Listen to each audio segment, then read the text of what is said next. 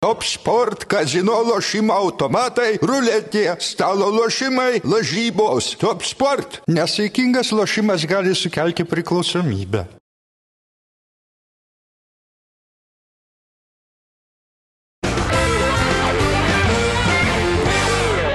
Sveiki, futbolo gerbėjai, su jumis ir vėl įvarčio laida, sugrįžtame į eterį, labai džiaugiamės, kad pagaliau futbolas ir vėl bus aptarinėjamas mūsų laidoje.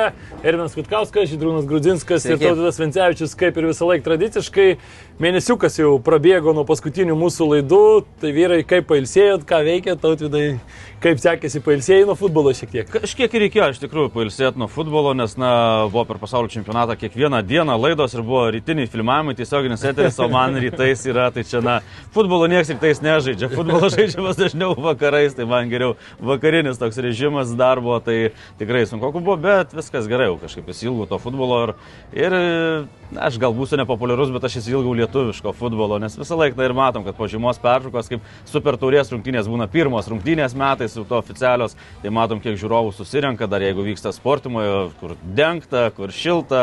Ir, nu, šilta, nu, sąlyginai šilta vakar buvau, tai bent jau, bent jau ant galvos nelyja, tai tikrai žmonių prisirenka, nes būna toks pasilgimas to lietuviško futbolo, tų klubų, komandų, už kurias tu sergi, kurias palaikai ir taip toliau. Tai vat, tas jau, jau atsirado, tokia nostalgija futbolui, o europinį futbolą, na, pripažinsiu, kad ne visą laiką taip labai sąžiningai žiūrėjau ir daug kažkaip reikėjo šiek tiek ir pailsėti ir aišku, nori, nenori po pasaulio čempionato arba dar po tokio finalo.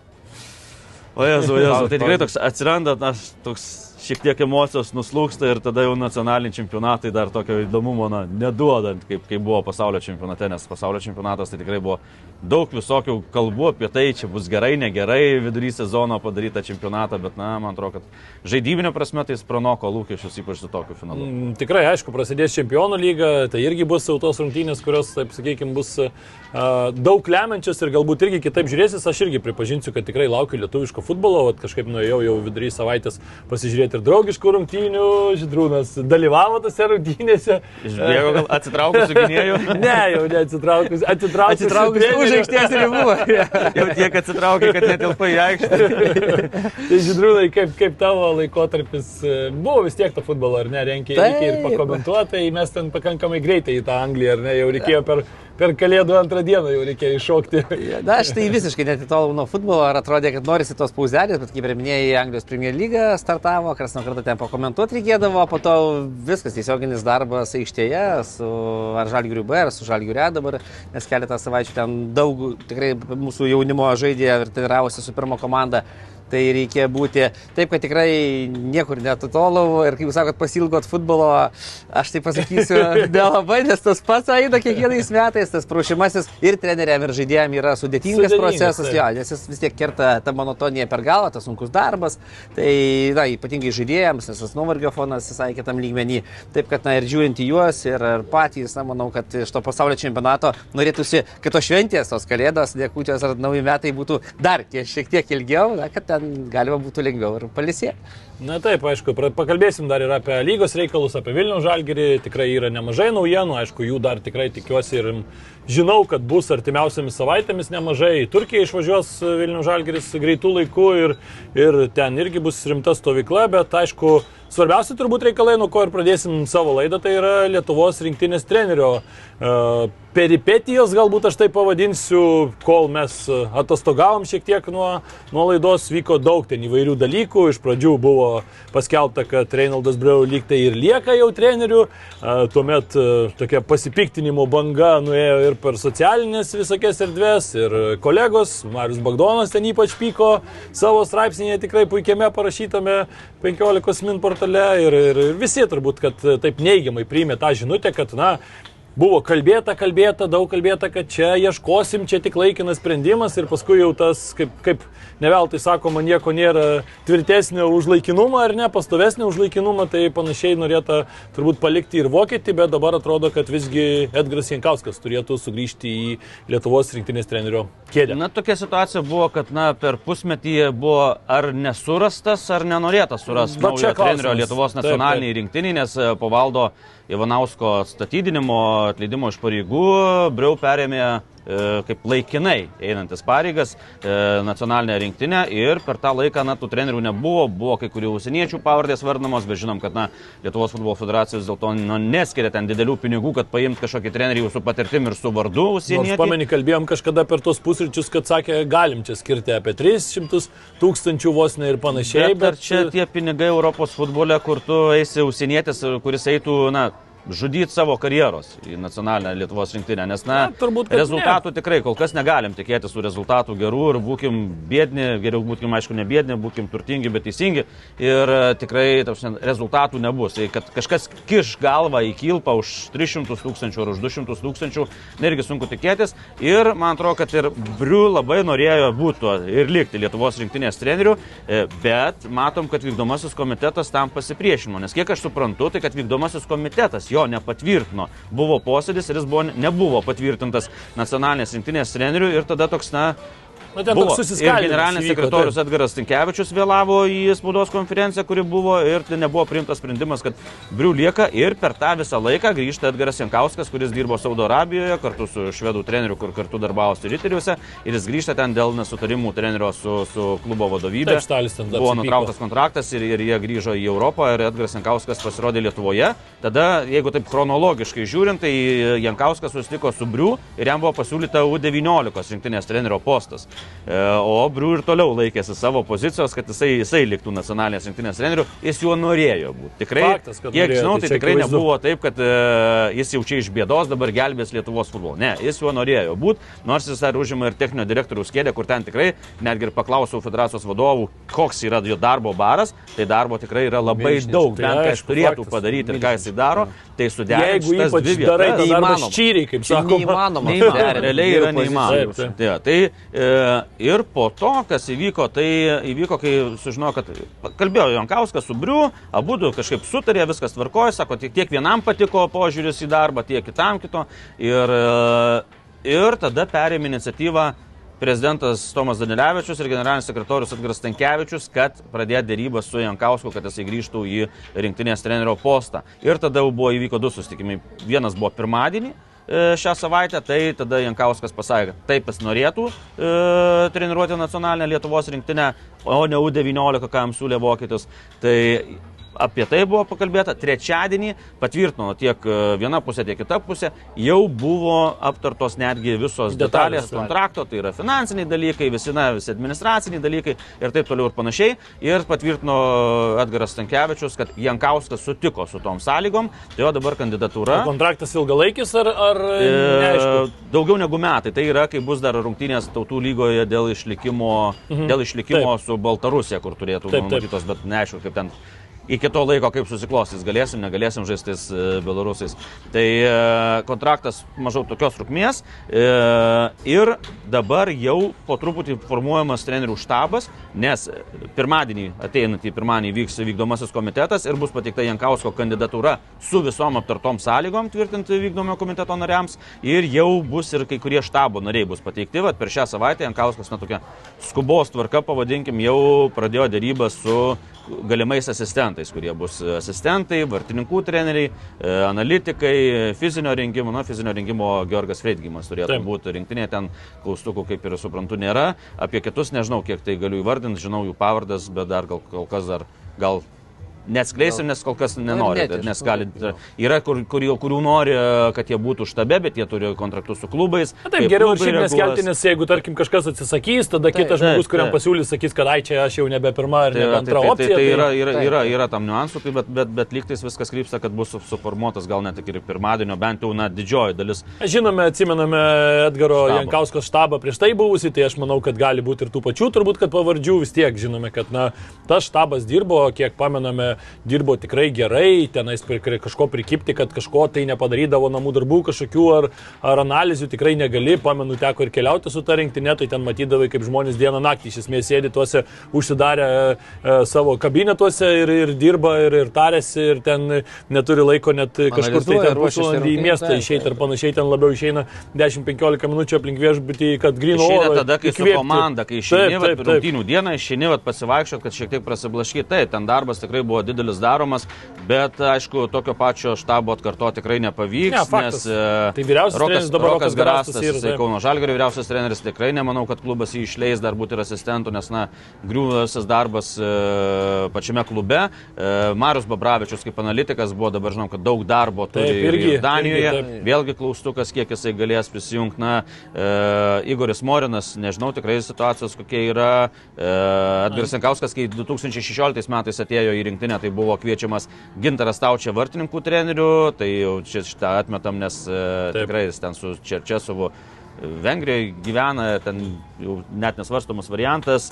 E, buvo ir Tomas Ražanauskas, tada irgi buvo kalbama su juo, bet tada futbolo federacija neleido dėl ten tam tikrų, nežinau, ten kaip ir pavadint dalykų, kur, na, man toks vaizdas, kad patys prisigalvojo, tai taip ir nusprendė, kad, kad nebūtų. Dabar Tomas Ražanauskas realiai, na, 99 procentai, kad jisai vadovaus e, Lietuvos jaunimo U21 rinktiniai, Taip. bus vyriausių trenerių, tai vėlgi tai realiai neįmanoma suderinti, nes Taip, datos taip. kertasi, tai, tai, tai bus. Tai bus, bus formuojamas štabas ir, ir, ir, ir, ką žinau, man atrodo, mano nuomonė, Tai yra tikrai geras variantas Lietuvai, nes na, visi ir, ir pasienkauską likę puikų santykiai su futbolininkais, tikrai žinau, kad bendrauja su futbolininkais rinktinės, su sembuviais rinktinės, kurie na, net ir kartais ir prašydavo, kad jisai sako, treneris sugrįžkit ir panašiai.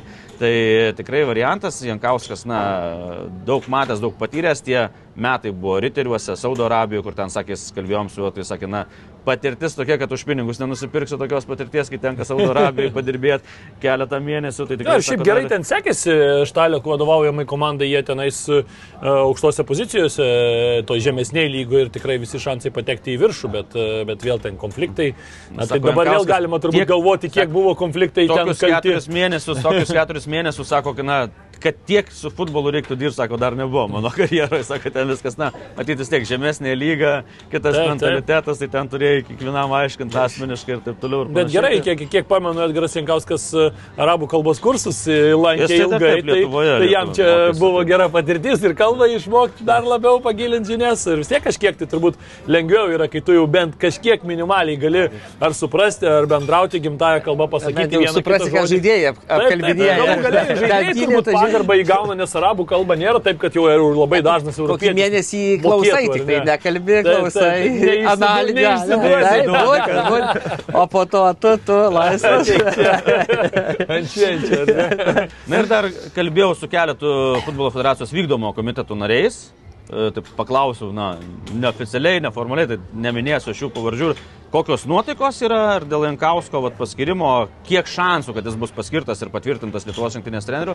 Tai realiai, realiai labai daug šansų, aišku, kai kas, kai kas vardina kitas kandidatūras, kad galėtų būti, bet, e, kaip supratau, vykdomo komiteto narių nuomonė, kad na, visi labai norėjo lietuvių, kad būtų lietuvis treneris, vadovautų rinktiniai nacionaliniai ir tikrai vat, būtent vienas iš tokių dalykų, kad ir na, Briuvis buvo na, nepatvirtintas tuo treneriu ir va čia gerai sutapo tos kelių dienų, pasakyti, kelių dienų reikalas buvo, kad Jankauskas grįžo į Lietuvą ir tikrai taip, na, savo, kad na, nebus problemų, ten žinom, kad na, 18 metais Jankauskas buvo atleistas, nors turėjo dar metų kontraktą, ten žinom, kad tautų lygoje tada gavom varžovus kaip turi būti, Serbija, Rumunija ir Juotkalnyje, nepavyko iškovoti nei taško, bet žaidžiant su tokiom komandom, na ten sunku buvo, ko gero su Rumunais namuose buvo marčiausia taško tada, bet ligom be taškų ir tai buvo vykdomo komiteto narių, kurie dabar jau pozityviai žiūri, kad Jankauskas grįžtų, tai buvo tada irgi, na, tas pasakoma, kad, na, reikia atleisti, kad nėra rezultatų, kad ten mūsų legendiniai treneriai, kurie tik tai savo rezultatus mato, kaip sakant, 87 bronzą ir gyvena iki šiol irgi, kaip sakant, sakė atseit, kad vykdomo komiteto nariams, kad jau Jankauskas čia jau viskas, kad jau jį reikia keisti ir taip toliau. Tai vat, matom dabar, kad na, pasikeitė, nes kas buvo po to, ar buvo geriau, kai Jankauskas buvo atleistas. Na, turėjom valdą Urbaną, kurio niekas taip ir nesuprato ir su žaidėjais bendros kalbos nerado ir ten nei, nei su žaidėjais, nei su federacija, nei su, nei su administracija, nors tai rezultatai buvo ten ir, ir girtus, Buvo, pradžioj ir girtus neblogų, albanus apsižaidėm ir, ir, ir kazahus, kurie dešimtį liko. Tai buvo, buvo tų taškų, buvo pergalių, o po to atėjo valdas Ivanauskas, na vėlgi. Švelniai tariant, bardakas buvo su visais susipykojęs ten ir, ir kaip pasakė ten vienas iš administracijos sako, "A, rėkdavo ant visų ir pats ant savęs. Sako, tai, tai visko buvo, dabar grįžta Jankauskas, na, ką žinau, nu, čia rezultatai, kad pagerės iš karto, tai čia net nėra ko tikėtis, nes, na, situacija tokia, kokia yra, bet man atrodo gerai, kad lietuvis treneris vis dėlto, na, lietuviai yra autoritetai žaidėjim, patiem ir tikrai prisimenu pačias pirmas treniruotės, kai Jankauskas tapo treneriu, tai tikrai visi, na, suprato, kad tai yra vienintelis lietuvis laimėjęs čempionų lygą, o dabar dar patirties daugiau, jau žino, kas yra, žino, ko laukti ir taip toliau. Ir, ir, ir vis dėlto aš, aš dar ir džiaugiuosi dėl to, kad vis dėlto Briūnė liko tame poste, Jankauskas, kaip viskas tvarkysis, dar matysime ateityje, bet kad Briūnė liko poste, aš tikrai džiaugiuosi, nes, na, jis turi dirbti techninio direktoriaus darbą ir dar net šiandien kalbėjau ir su, su Futbolo federacijos generaliniu sekretoriumi, sakau, kokie, ko, kokie pagrindiniai jo yra darbo barai, pavadinkim. Tai to darbo ten tikrai yra, ten ir, ir fizinio rengimo trenerius apriepti, ir vartininkų treneriai, viskas, ir regionios lygos, ir ten, na, tikrai, Ir tikrai, procesus tikrai. stebėti, ir visus- vertint, Taip, ir, ir, ir, sertifikavimo visi procesai ten. Na, darbo yra pilna darbo diena, o kai tu, tu į rinktinę, kai ištrūksti, tu viskas, tu nuo visko turėti trūk. Ta stovykla, kuri Taip, bet dar stovykla, tai stovykla, o dar tai pasiruošta į stovyklą, tu jau turi ateiti į stovyklą jau su, su didžiuliu pasiruošimu, tai ten nėra taip, kad tu atėjai į stovyklą ir dabar, oi, po trijų dienų rungtynės, tai dabar pradėsim ruoštis, tai skautinimai taip toliau, ten visi kiti analizės ir visi dalykai jau ten e, kelias savaitės ir keli mėnesiai dažniausiai prieš vyksta. Be abejo, be abejo, ir matau. Galų galia važiuoti, skrist, kartais reikia žiūrėti žaidėjus kažkur, kaip jie žaidžia. Tai manau, suprato ir Taip VK, ir, ir mūsų visa valdžia futbolo suprato, kad na, nei- negalima, neįmanoma, ką ir šnekam. Tai yra nukentės abu barai, Tai būtent, vadinkime taip. taip, Ir techninio direktoriaus tas visas darbas, nes kažkas jį turės atlikti, o jeigu ten kompetencijos nuo jo prastos, tai to darbo nebus. Rinktinėje savo ruoštų, na, ten irgi turi koncentruotis tik į vieną darbą. Taip kad rinktinėje jau daug kritikavo mane nuo pat pradžių jo buvimo prie vairo, taip kad manau, kad tikrai ta opcija ir manau, VK suprato, kad geriau tikrai lietuvis, aišku, ten Dambraus ko nepaimsime, Skerla klube, Rokas Grastas klube, ne, na, Edgaras Jankauskas prašomas laisvino, tikrai manau opcija tinkamiausia šiuo metu. Ne, nu, tai žinai, dar kad ateitų tas briu ir čia būtų rezultatai staiga. Ten, ką kalba? Taip, taip. Viską čia nuneštų, taip. ten paimtumėm ten Baltijos. Tada, gal, taurę, tada tylėtų visi ir Tada sakytų, gal, ir jo, techninių, nu, gal, nu, gal gerai, nu, gal, gal čia blemba, gal žmogui taip, Taip, dar taip. geriau, žinai, nu tai tada tu, tu jau žiūrėtum, bet nu čia niekas kažkas nepasikeitė, galų gale mes pamatėm ten ir tie pykčiai, ar ne, ir su to pačiu ten Stankievičium, ir daugiau ten yra pykčių buvę, ten turi jisai savo viziją, aišku, iš dalies turbūt, kad tik tu esi vadovas, tu, tu, tu jeigu savo viziją turi, okei, okay, tu, norisi tu jo, jos laikaisi, tai faktas, kad tau turi būti suteiktus, jeigu tau suteikė jau tas, tas pareigas, davė tau į rankas tam tikras e, funkcijas atlikti, tai na, nuo tavęs priklauso, tai tu kažkiek ir turi ten laužyti, eiti, keisti kažką, tai turbūt du ir yra būdai, arba tu keiti kažką, arba tu ten groji pagal seną sistemą ir kažkur ten tik tai truputį taisai, bet, bet turbūt, kad pas mus, aš nežinau, ar buvo ta labai kažkokia tai sistema, nes ten prieš tai Devildė, ką darė irgi ten klausimas didžiulis, kokia ten ta sistema, bet jau net gal neverta prisiminti dėl Edgaro Jankausko, man tik tai labiausiai vis tiek kyla klausimas tas, kiek ilgalaikis tas projektas, nes aš tai labiausiai vis tiek norėčiau, kad ir bet kas būtų, ar tai būtų užsienietis, ar tai šiuo atveju Jankauskas, nes aš irgi manau, kad iš lietuvių, tai turbūt, kad Edgaras Jankauskas yra geriausia opcija, apart tų, kurie, na, ten, nežinau, e, galbūt Andrius Kerla būtų irgi gera opcija, bet jisai nori dirbti klube, turbūt, kad geriausia opcija būtų Valdas Dambrauskas, bet jisai net ir nesvarsto šio Skerla ir pasiūlymo. Dambrauskas vis dėlto yra jauni labai treneriai. Taip, Jankauskas Taip, irgi jaunas, irgi jaunas, ten taip, taip. Vyresnis porą metų už, už, už Jo, Skerlą. 47 E, Tai e, Skerla jis tik pradedantis treneris visiškai. Taip, Taip, aš jau taip. puikiai suprantu, kad jam sukaupti patirties, jam reikia klube dirbti. Ir tuo labiau gerai dabar viskas sekasi, klubas to auga. Klubas auga, jo Taip, ilgalaikės vystosi. vizijos to klubo pateko į Europą Taip. pirmą kartą klubo istorijoje. Tai aišku, nes na, vis dėlto dirbant klube tu kiekvieną dieną dirbi, ne? Kiekvieną dieną treniruoti. Kiek treniruočių turi, kiek rungtynių ir taip toliau. Visai kita specifika. Susirinkai, ką turi, tą turi. Klube tu gali rinktis, gali dėliotis kažką. Tai gali tobulinti žaidėjus, Tu susirinkti, ką, kokios yra galimybės. Ir viskas, kad pirma atstatomoji treniruotė, kai e, žaidėjai sugrįžta iš savo klubų Taip. po rungtynių, kas žaidė šeštąjį, kas sekmanį, kas iš vis nežaidė, sudėlioji kaip ten krūvius, antranį, antrą, trečią dieną kažką taktiškai pa, pa, pasitreniruoji, atstatai ten juos, viskas ten toks ir treniravimas, kad na, daug sunkiau ir daug, daug mažiau tu prisilietė prie to. Na, ten futbolo. Tai daugiau tikrai geras- psichologiniai dalykai, netgi lemia taktikos kažkokios nustatymai, varžovų analizės, visi tie niuansai ir, ir faktas, kad Edgaras tą moka daryti, žinom, kad tikrai gerai ir sugeba motivuoti, gerai randa bendrą kalbą, svarbiausia, kas dar būdavo turbūt prie Edgaro, kad niekada lab- labai nebuvo kažkokių tai didžiulių klaustukų, kodėl ta žaidėjas yra arba kodėl nėra. Ten būdavo kažkokios tai vien, vieni kiti klausimai, bet dažniausiai jie, jeigu kildavo, tai juos ir labai gerai būdavo iškomunikuojama ir atsakoma. Būt. Nebuvo kažkokių tai paslapčių, kodėl ten patylima ar kažkas pasakai, tas ten dabar ten nežaidė tą, tą, tą, ar ten šiuo metu aš manau, kad tas žaidėjas man yra geresnis šitoj pozicijoje, geriau atlieka funkcijas. Nu ir viskas, jeigu treneris tau pasako tuos dalykus, tai viskas yra ir gerai, kaip Vat sakant. Būtent ir buvo komunikacija. Nes visą laiką nebuvo kažkokių paslapčių, nuslėpimų ir taip toliau. Ir netgi prisiminkim, kai buvo Šrilankos įsiusti du žaidėjai, Taip. tai ir buvo iškomunikuota, kad Kodėl dėl tai ko yra? jie buvo. Taip, taip. Ir nes jeigu būtų jie taip tyliai įsiusti ir kažkas sužinotų juos, man Vėl- vėl va, tada būtų būtų skandalas, ko netrūko pas mus Lietuvos futbole pastovi tokių. Ir pavyzdžiui, net manęs vienas iš e, federacijos atstovų net ir paklausė, sako, kodėl jūs, sako, sporto žurnalistai taip nusistatę prieš tą brių. Man net keistas pasirodė klausimas, ko- kodėl mes nusistatę. Ir tada pradėjom diskutuoti ir e, nebuvo jokio nusistatymo nei prieš Ivanauską, e, nei prieš tą patį brių, bet kai tu, na, taip liaudiškai viskas, kai tu laikai kitus durnais, Būtent. tai tada atsiranda tas nusistatymas. Jis-? Jis atėjo, taip, išvadini vietinius Mickey Mouse'ais, bet kai pats atsistojo šalia aikštės, matom, atėjo iš Luksemburgo, jis atvažiavo iš Luksemburgo, Luksemburgo pakėlęs, po to sužinom iš Luksemburgo sporto žurnalistų, kad ten Brius ten nebuvo tas pirmo, kaip sakant, pirmų numerių, kuris ne, pakėlė ne, ne, pirmo, ne pirmasis muikas. Taip, ten yra ir prezidentas, ir generalinis sekretorius, kurie pamiršė dėl futbolo. Taip, ir ten pridavė ir pilietybę Dažės tiem iš. Portugalijos kilusiems futbolininkams ir taip toliau. Tai jis nebuvo ten tas pirmas muikas, kaip sakai. Tai, ir jis čia atėjo techniniu direktoriumi, viskas gerai, čia vat, jau vardą pasidaręs ir taip toliau, bet kai jisai stojo prie rinktinės vairo, tai pamatėm, kad tokių sprendimų.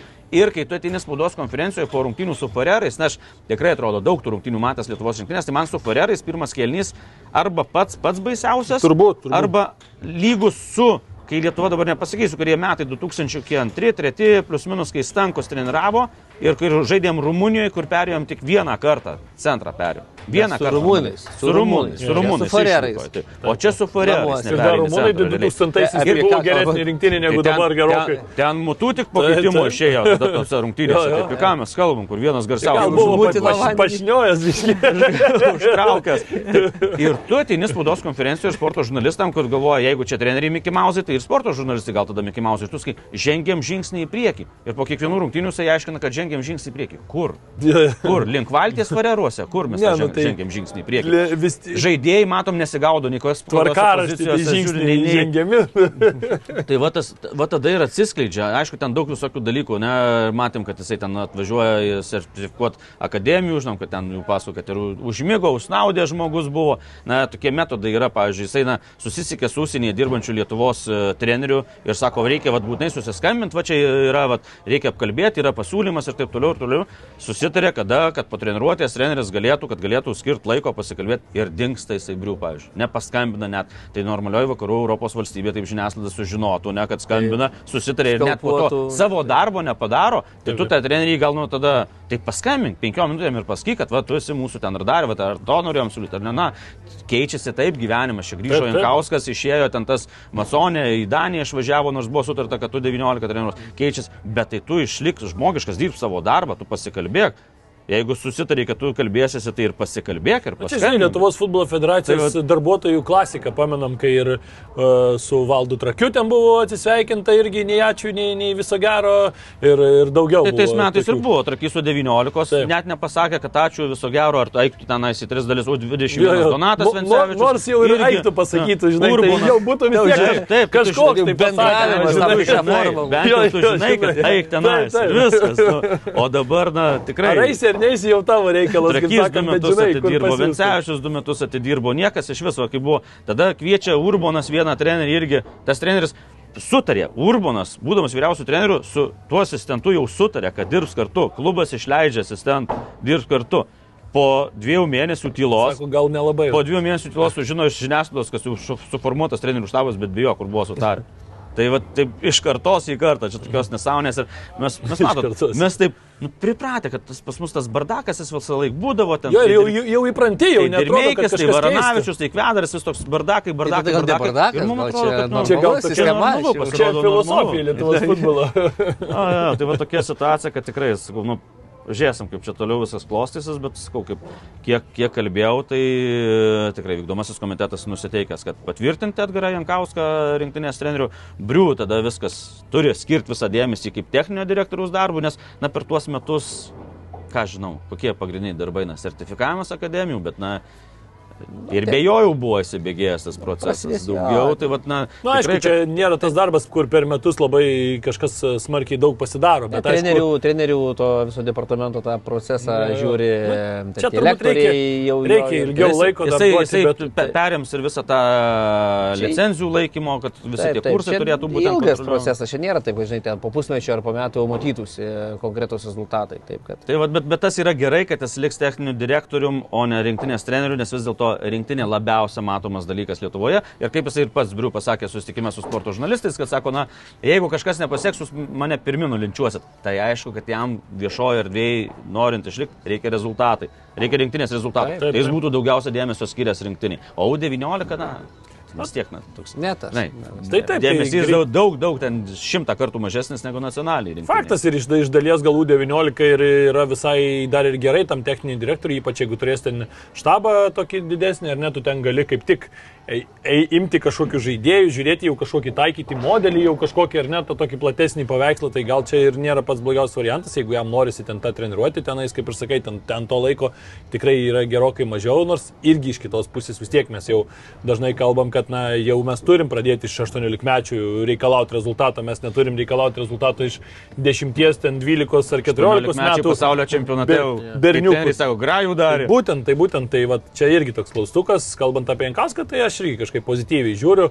Man patiko ta rinktinė, kuri buvo tuomet, aišku, rezultatų nebuvo, bet tie rezultatai klausimas, ar čia mes turėtumėm tos rezultatus su Mūrinio, ar su Pepu, ar su abiem prie, prie, prie posto čia. buvo gerų ten su škotais. Taip, su, Na, su, pradžia- su slovenais, su žodžiu, tai būtent tas Labai gerai, nepaisant Yra- draugiškų rungtynių su Rusija ir su Rumunija tada pralaimėtų, tai buvo Baltijos taurė, tai Estus Klaipėdoje tada 2-0 tikrai ir Ir ten, žaidimas. ir ten Taip, visiškai estus, ten taip. be Ir su. Latvijais, mes geriau Latvijais žaidėm. išvyko, ten Taip. ryšiai geriau žaidėm, na teisėjai estai traukė už ausų, ten ir, rank, ir nuošalės, ir rankų nefiksavo. Taip, taip. Ten tikrai na, buvo užglaus susijęmi, nes na, tik tai Lietuvos rinktinės pralaimėjimas dar estam paliko šansų laimėti taurę. Tai ten tikrai buvo nu, žiūrų, žiūrėti ir, ir po to atranka prasidėjo tikrai puikiai su slovenais. Faktas, ten netgi gaila, kad turėjom ten 2:0. šešis taškus turėti po dviejų mačų. Su slovenais praleidom antrą įvartį paskutinę sekundę. Taip, taip. Realiai ne minutę, o paskutinę sekundę. Tada Nu su škotais irgi tas pats, ten Irgi, irgi irgi tą 0 balioną vedėm, ten. tada 84-86 minutę išlygino. Gal net 8-9, žinok, bet Kažkur man atrodo, gal minus, įpap. Nu, bet škotai, pabaigoje. tada prieš Maltą laimim ir buvom e, kur?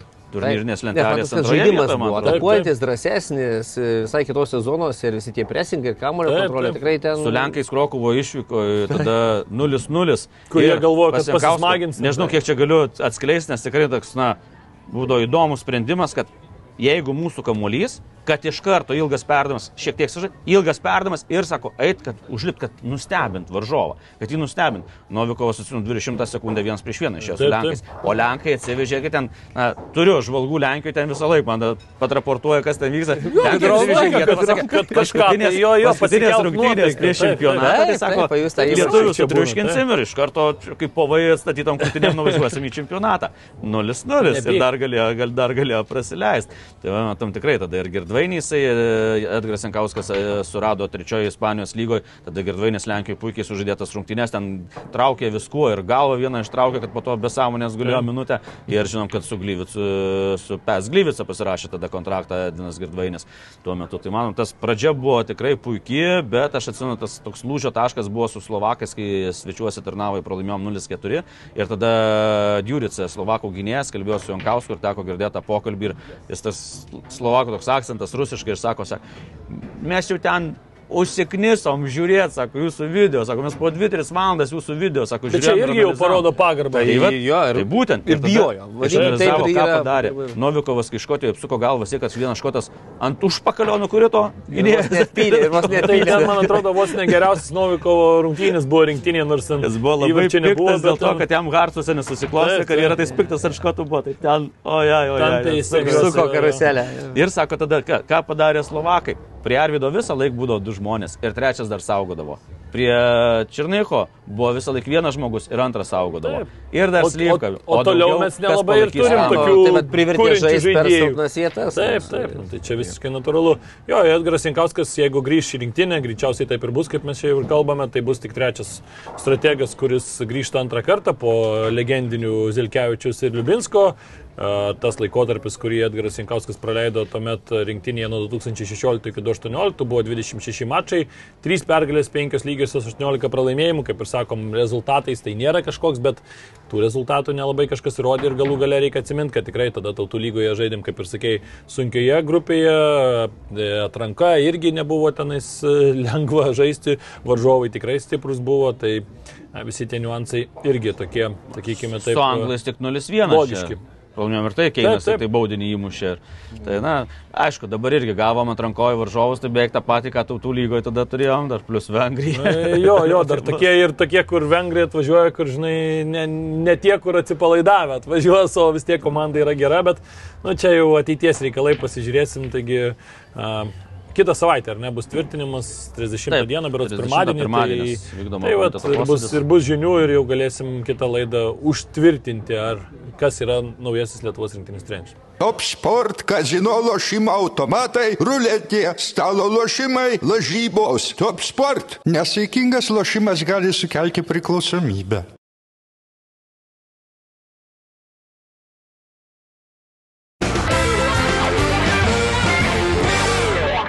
Na ir toliau keliaukime į vietinį frontą, kaip ir kalbėjom, pasilgom jau lygos, pasilgom jau lietuviško futbolo. Netrukus jisai jau prasidės, iš esmės už mėnesio jau mačas a, Super Taurės, kuris ir atidaro Lietuvos futbolo visą sezoną.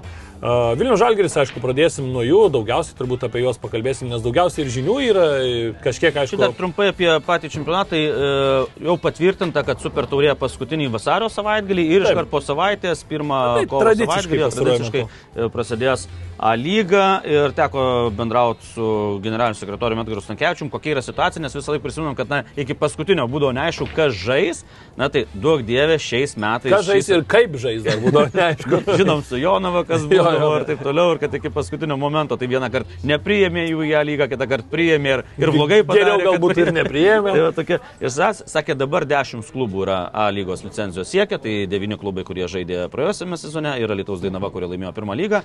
Tai sako, na, pagal viską žiūrint, sako, tikrai prasme, tie 10 klubų ir turėtų žaisti, viskas kaip ir tvarkingai, nes jau ne pirmą sezoną visi tvarkosi tą licenzijavimą, Dainava irgi tą yra praėjus padarius, nebus taip, kad e, prisimenu, kaip prieš dviejus metus jie žaidė A lygoje, tai gavo minus 2 taškus ar minus 3. Minus tris, jo.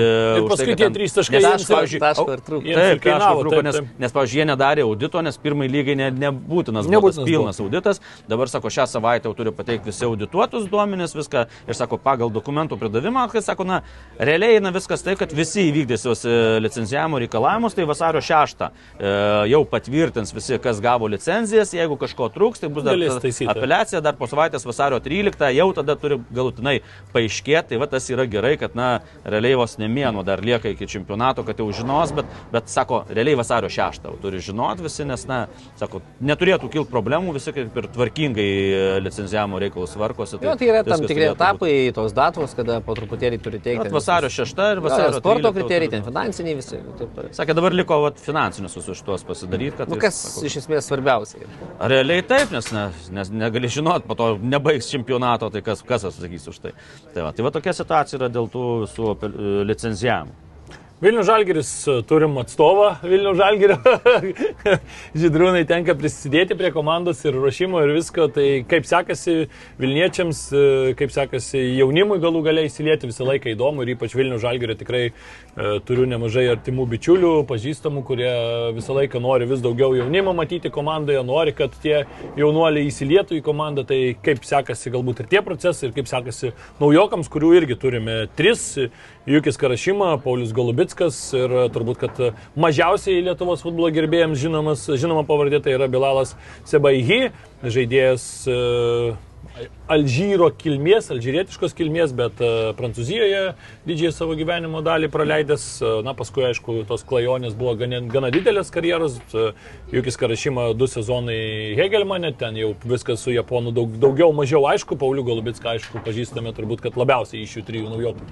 Man kas krenta į akis, aš šau per, kas krenta į akis, kad Žalgiris per pastaruosius dešimt metų gal nebus išsaugojęs tiek daug žaidėjų iš praėjusio sezono. Nes visą laiką būdavo daug permainų žinom, kad ir po praėjusio sezono, kas buvo kalbama, kad a, jūs turi kontraktą ir, ir, ir, ir, ir viskas dar lietuvių Buvo daugiau ir, man Bet- atrodo, Milinkovičius daug- turėjo. Dauguma tapo laisvais agentais ir galėjo keliauti kur nori. Ir tikrai žinau, kad e, Lenkijoje ten buvo siūloma, nežinau, 3, 4, gal 5 netgi žalgyriečiai Lenkų klubams. Tai buvo ir peržiūrėsi, Kad, ir, ir, ir tikrai, ir- bet kad tiek daug įsaugotų, tai tikrai na, man šiek tiek buvo net ir netikėta ir įsaugo ne, ne tuos antrailius e, futbolininkus, bet tokius kaip Goropsovas, kaip Gertmanas. Na, Orega. Tikrai, tikrai man vat, krito į akis tas, kad išsaugotas tas komandos brandulys, ko dažnai nebūdavo. Na gal iš vienos pusės ir sunkiau išlaikyti, kada Europoje jau po truputėlį esi matomas, kita vertus galbūt ir Bet lengviau. ne? E, Taip, kita vertus ir lengviau, nes tie žaidėjai buvo ir matė, ne, kas buvo, e, mato klubo vadovybės požiūrį ir, ir galbūt ir žino, kas jų laukia kitą metą. Keisti klubus, e, kaip kelių žaidėjų atveju, na gerai, gausi ten galbūt dvigubai daugiau. Neaišku, ir gausi vietą startinėje sudėtyje. Ne? Ir ten prasideda vėl dėliojimais, kaip ten adaptuosiesi, kaip kas aplinka pradeda ir žaidėjas skanuoti. Tada galbūt pasirinkti tą variantą, kuris, na gal šiek tiek pagerintas, vadinkime, yra ne vienam kitam žaidėjui iš po praeitų metų pratesiant kontraktą, bet esmė ta, kad tu jau, na, apšilė šikojas, tu žinai nuo A iki Z viską, ne, toj struktūroje, mieste galų galia, kas irgi yra visur. Svarbu, ta būtis, vadinkime, jeigu jį tvarko, jeigu tavo šeima komfortabiliai jaučiasi, jeigu tavo vaikai ten laimingi, patenkinti. Ką dabar tavo Goropsovas pratęsęs kontraktą, sako, čia su žmona mums patiko. Taip, o dabar tu iškelk visą savo šeimą, tau galbūt aikštėje ir aplinkai iš bus gerai, bet bus blogai šeimai. Ten patikėkit manim, taip, po taip. mėnesio, po dviejų žiūrėk, kad tavo sportinė forma krenta taip, nes tu... Di Marija Mančesterį. Tai apie ką, tai mes šnekam apie tą klimatizaciją, ten reikia laiko, ten mes pamirštam tą kitą pusę, kuri nematom, tai yra šeima. Nes, na, paprastas posakis, mano šeima, mano tvirtovė. Ir kartais aukoja tuos pinigus milijonus, nu čia ne, ne milijonai Lietuvoje, bet esmė ta, kad tu kartais aukoji tą sportinį rezultatą, finansus, ką tu gali saugiai turėti, bet pasirinkti galbūt mažesnį variantą, bet su mažesnė ta skriauda šeimai. Tai, tai va čia yra ta, tie dalykai, kuriuos galbūt na, tie žmonės, kas tik stebi, kas čia Vadimanija, Liubičius išvažiavo, ten dar kažkas, Taip, taip. ar kažkas atvažiavo, tai nėra taip paprasta. Ir tie žmonės, jau kurie matė ar futbolo, ar kur turi šeimas, turi augančius vaikus, jiegi galvoja, kad na, nežaisiu už dar 10 metų to futbolo, jeigu tau ten 31, 32 metai, tai žiūri vėl į tą socialinę terpę, kaip, kaip ją užkimšti tau, kad būtų viskas komforto zonoje. Taip, kad manau, tie apsisprendimai ir tai lėmė, kad tarsi sąlygos yra geros, arba dar šiek tiek geresnės, tu viską žinai, viską turi, kodėlgi ne. Taip pat ir, ir tas niuansas galbūt išsaugojo tą brandulį, vadinkime. Kitas dalykas ir žaidėjams labai svarbu. Jeigu tu lieki, tai palauk, blemba, ir aš liksiu, nes man su tavim buvo gera treniruotės, gera žais. Lieka trečias, ketvirtas ir tu supranti, kad tu žaisi tą Visigi futbolą. susiskambinėja, palaiko ryšį. Taip, taip, taip, ir, klu, ir klubas, aišku, ir manau, ir tai aišku, ten reikia lenkti galvą Vilmai dėl to darbo, ko mes irgi nematome, kiek skiria laiko, kiek energijos, kiek, na, galų galia dėlionės visos, ne, ką pasilikti, kaip pasilikti, kokiu būdu. Taip, kad čia tikrai yra didelis milžiniškas darbas ir klubo e, vadovės, kad liko tie pagrindiniai žaidėjai, tas stuburas. O apsilipdyti, ką minėjai, tie tretas futbolininkų, kurie dabar atėjo, na, Paulius Paulius yra pavyzdys to profesionalumo, kuris jau aš atvažiuoju tarsi anksti, ten iki treniruotės valandai su trupučiu likus. Pauliukas jau rūbinė, jau ten raičiuojasi, tampuosi, šalia jaunimas, tai va, taip, taip ir, na, taip ir tampi, to profesionalu, taip ir tampi tuo žaidėju, kuris bus reikalingas komandai, kuris tikrai žais, e, na, pirmų numerių, vadinkim taip, savo zonose, galbūt tems Galų komandą. galia pažįstamas su treneriu, kas yra Taip, taip, svarbu. kas labai svarbu. Taip, kad tikrai viskas tvarko. Na, jaunimas savo ruoštų, tai jiem, aišku, Aš tai labai, per, labai džiaugiuosi, kad Galbitskas grįžo į Lietuvą. Jam čia Taip, bus taip. gerai, nes, e, na, daug dievės su sveikata, kad viskas gerai būtų ir kad gautų žaisti. jam reikia dabar žaisti su. Kroatijos. Mes sunku- dar ir kalbėjom, kaip iš Suduvos išvažiavo, sakėm, kad gal dar vienais metais metais šiek tiek per anksti, nors tada irgi į gerą aplinką važiavo pas, Taip, pas Dambrauską, pas ta nelaimė, kai Nikoličių. žandį, kurį sulaužė rungtynėse ir dabar buvo Balstogės Jėgelonė, jo domėjosi ir buvo, na, taip parti, bet ten irgi e, Jėgelonė turi tokių problemų finansinių, tai matom ir Černychas paliko Balstogę, lietuvišką miestą Lenkijoje. Tai e, gerai, kad jis grįžo čia. Vis dėlto Lietuvoje, na, tu visai kitaip į tave žiūri, plus tie trys lietuviai turi žaisti lygoje, tai manau, kad jisai čia atsigaus ir matysim Paulių tokį, ko- kokį ir norim jį matyti Ir aikštėje. Paulius grįžęs į kai susirinko komanda, jau buvo ganėtinai tikrai solidžioje geroje kondicijoje, tai yra jis ruošėsi. Tas vėlgi rodo jo profesionalumą ir norą čia suspindėti pačiomis gražiausiamis spalvomis, kad aišku ir klube vienas iš lyderių, rinktiniai taip pat jau taptų vienu galbūt iš lyderių. Taip kad čia Lietuvoje karminėje jam gali būti tas toks, na, sucementuotas fundamentas, nuo kurio bus lengviau atsispirti į viršų. Na, ten trumpai apie jaunimą, tai tikrai nemaža dalis Žalgirio B futbolininkų treniravosi, kadangi po truputėlį tik suvažiuoja e, tie vadinkime na, vyrai, suaugę žaidėjai. Taip, taip. Bet jaunimas neiškito iš konteksto, tas džiugu ir Vladimirui Čiaburnui patiko jaunimas, na, guliai įvarčiai. O, Stankiavičius kokį pū.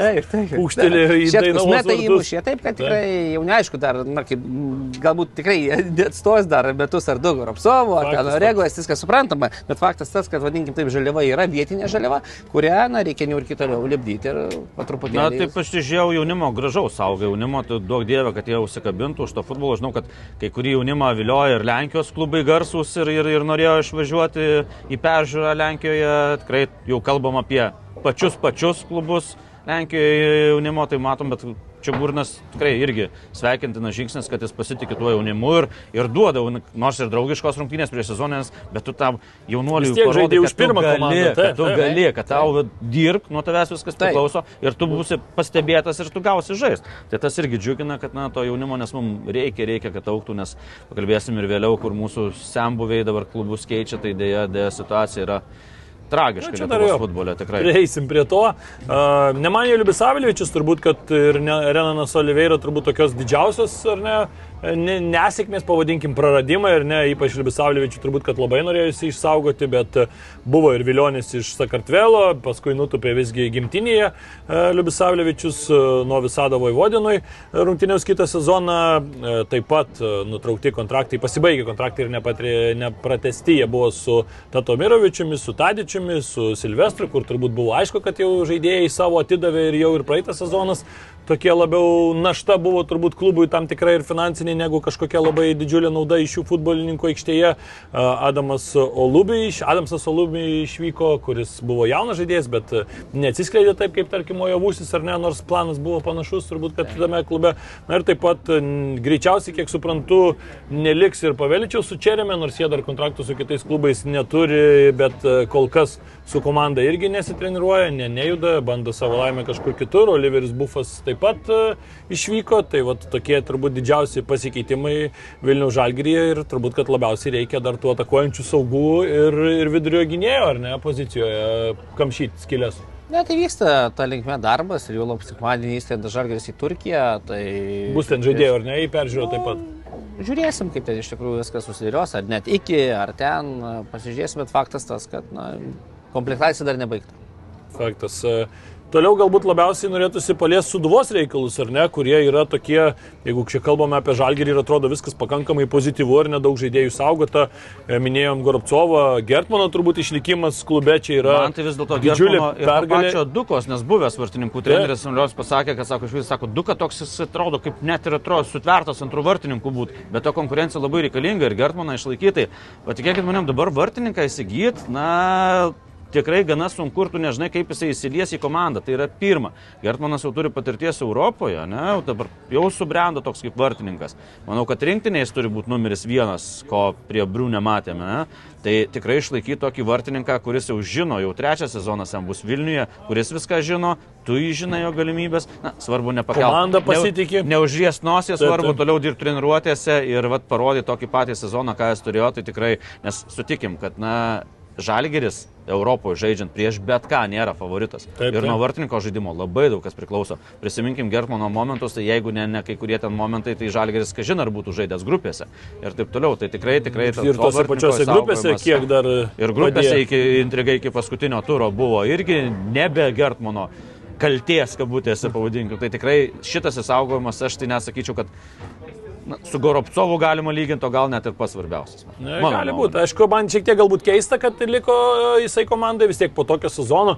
Didžiuliai klaustukai ir tu gali turėti dar geresnį sezoną, ar ne? Va čia yra didžiulis klausimas. Ir tada, jeigu turėsi jau šiek tiek blogesnį, tai atrodo, kad, na, kažkiek ir tavo akcijos bus blogesnis vėl išvažiuoti. O amžius jau vis tiek nėra, dar, dar yra jaunas kaip vartininkas, 26 riberots, ar ne? Tai dar viskas kaip ir tvarkoja, dar, dar turi to laiko, bet irgi užtemsi dar vieną, du sezonus ir jau irgi klaustukai. Tai man čia Na, tai, toksai žinai, atrodo, kad... kad... Ir sužaidėm grupiai, bet grupiai, grupėse kiek žaidžia konferencijų, kiek klubų žaidžia. Ne, faktas, tai ta, faktas, vis dėlto bet- lietuviai nėra taip vertinami kaip, kaip kitų šalių futbolininkai, tai manau, kad na, tikrai nebuvo tokių pasiūlymų, jeigu būtų buvęs geras pasiūlymas, jis būtų jo, ne, jam neatsispyręs. Nu, O turbūt dabar- ten buvo, aš kiek, Buvo kiek, kiek Izraelį žinau, buvo kalba. Izra- Izraelyje geras pasiūlymas finansiškai, bet tas klubas galbūt ir nėra uh, taip e, įspūdingai žaidžiantis, uh, tai galbūt tas atbaidė, kad ten tikrai Europoje greičiausiai pozicijų tikrai nebūtų iškovota. Uh, kitas dalykas gal ir tas kontraktas, žinai, dabar e, dar dėl to dar lietuvių klubai, kiek man teko kalbėti ir su Žalgerio kai kuriais žmonėmis, dabar dar dėl to kai kurie kontraktai nėra pasirašomi, nes dar yra penkios, kiek čia, keturios dienos, e, kol atviras yra, e, atviras yra langas. Ir be abejo visi dar stengiasi įsitvirtinti kažkur. Tai aukštesnėse lygose ir tuomet, kai jau užsidarys tas langas, tuomet tie žaidėjai, kurie nepasirašys, kurie galbūt yra ir tikrai neblogo lygio, bet tiesiog na, negavo tų kontraktų, ko jie tikisi, tuomet jau jie gali atsidaryti ir žalgerio rinką ir tuomet jau jie ir pigesni tampa kažkiek tai, nes be abejo jiems reikia kažkur žaisti, o ten jau tu kaip ir kontrakto nebeturi. Tai va čia visą laiką Lietuvoje yra laukimas ir aš manau, kad tie, tie tokie ir ypač tos žemesnės komandos pradės pildytis labiau jau vasario pirmoje pusėje negu dabar ir faktas, kad ir tada atlyginimus tau reikia mokėti, čia sausi dar pataupai, nes nemokė atlyginimų, žalgeris jau su nemažai žaidėjų kontraktus turi, tai turi dar ir už tą mėnesį mokėti, tai čia vėl gaunasi. Ką, tik gavome laišką, kad uh, Riterius papildė 28 metų Stefanas Filipovičius ir tapo antru tarp sezono naujoku, vat, vidurio gynėjo poziciją žaidžiantis serbas. Tai, vat, Tai matom, bus- kad bus- pildosi, pildosi. Pildosi kasdieną. eigoje, sakykime taip netgi.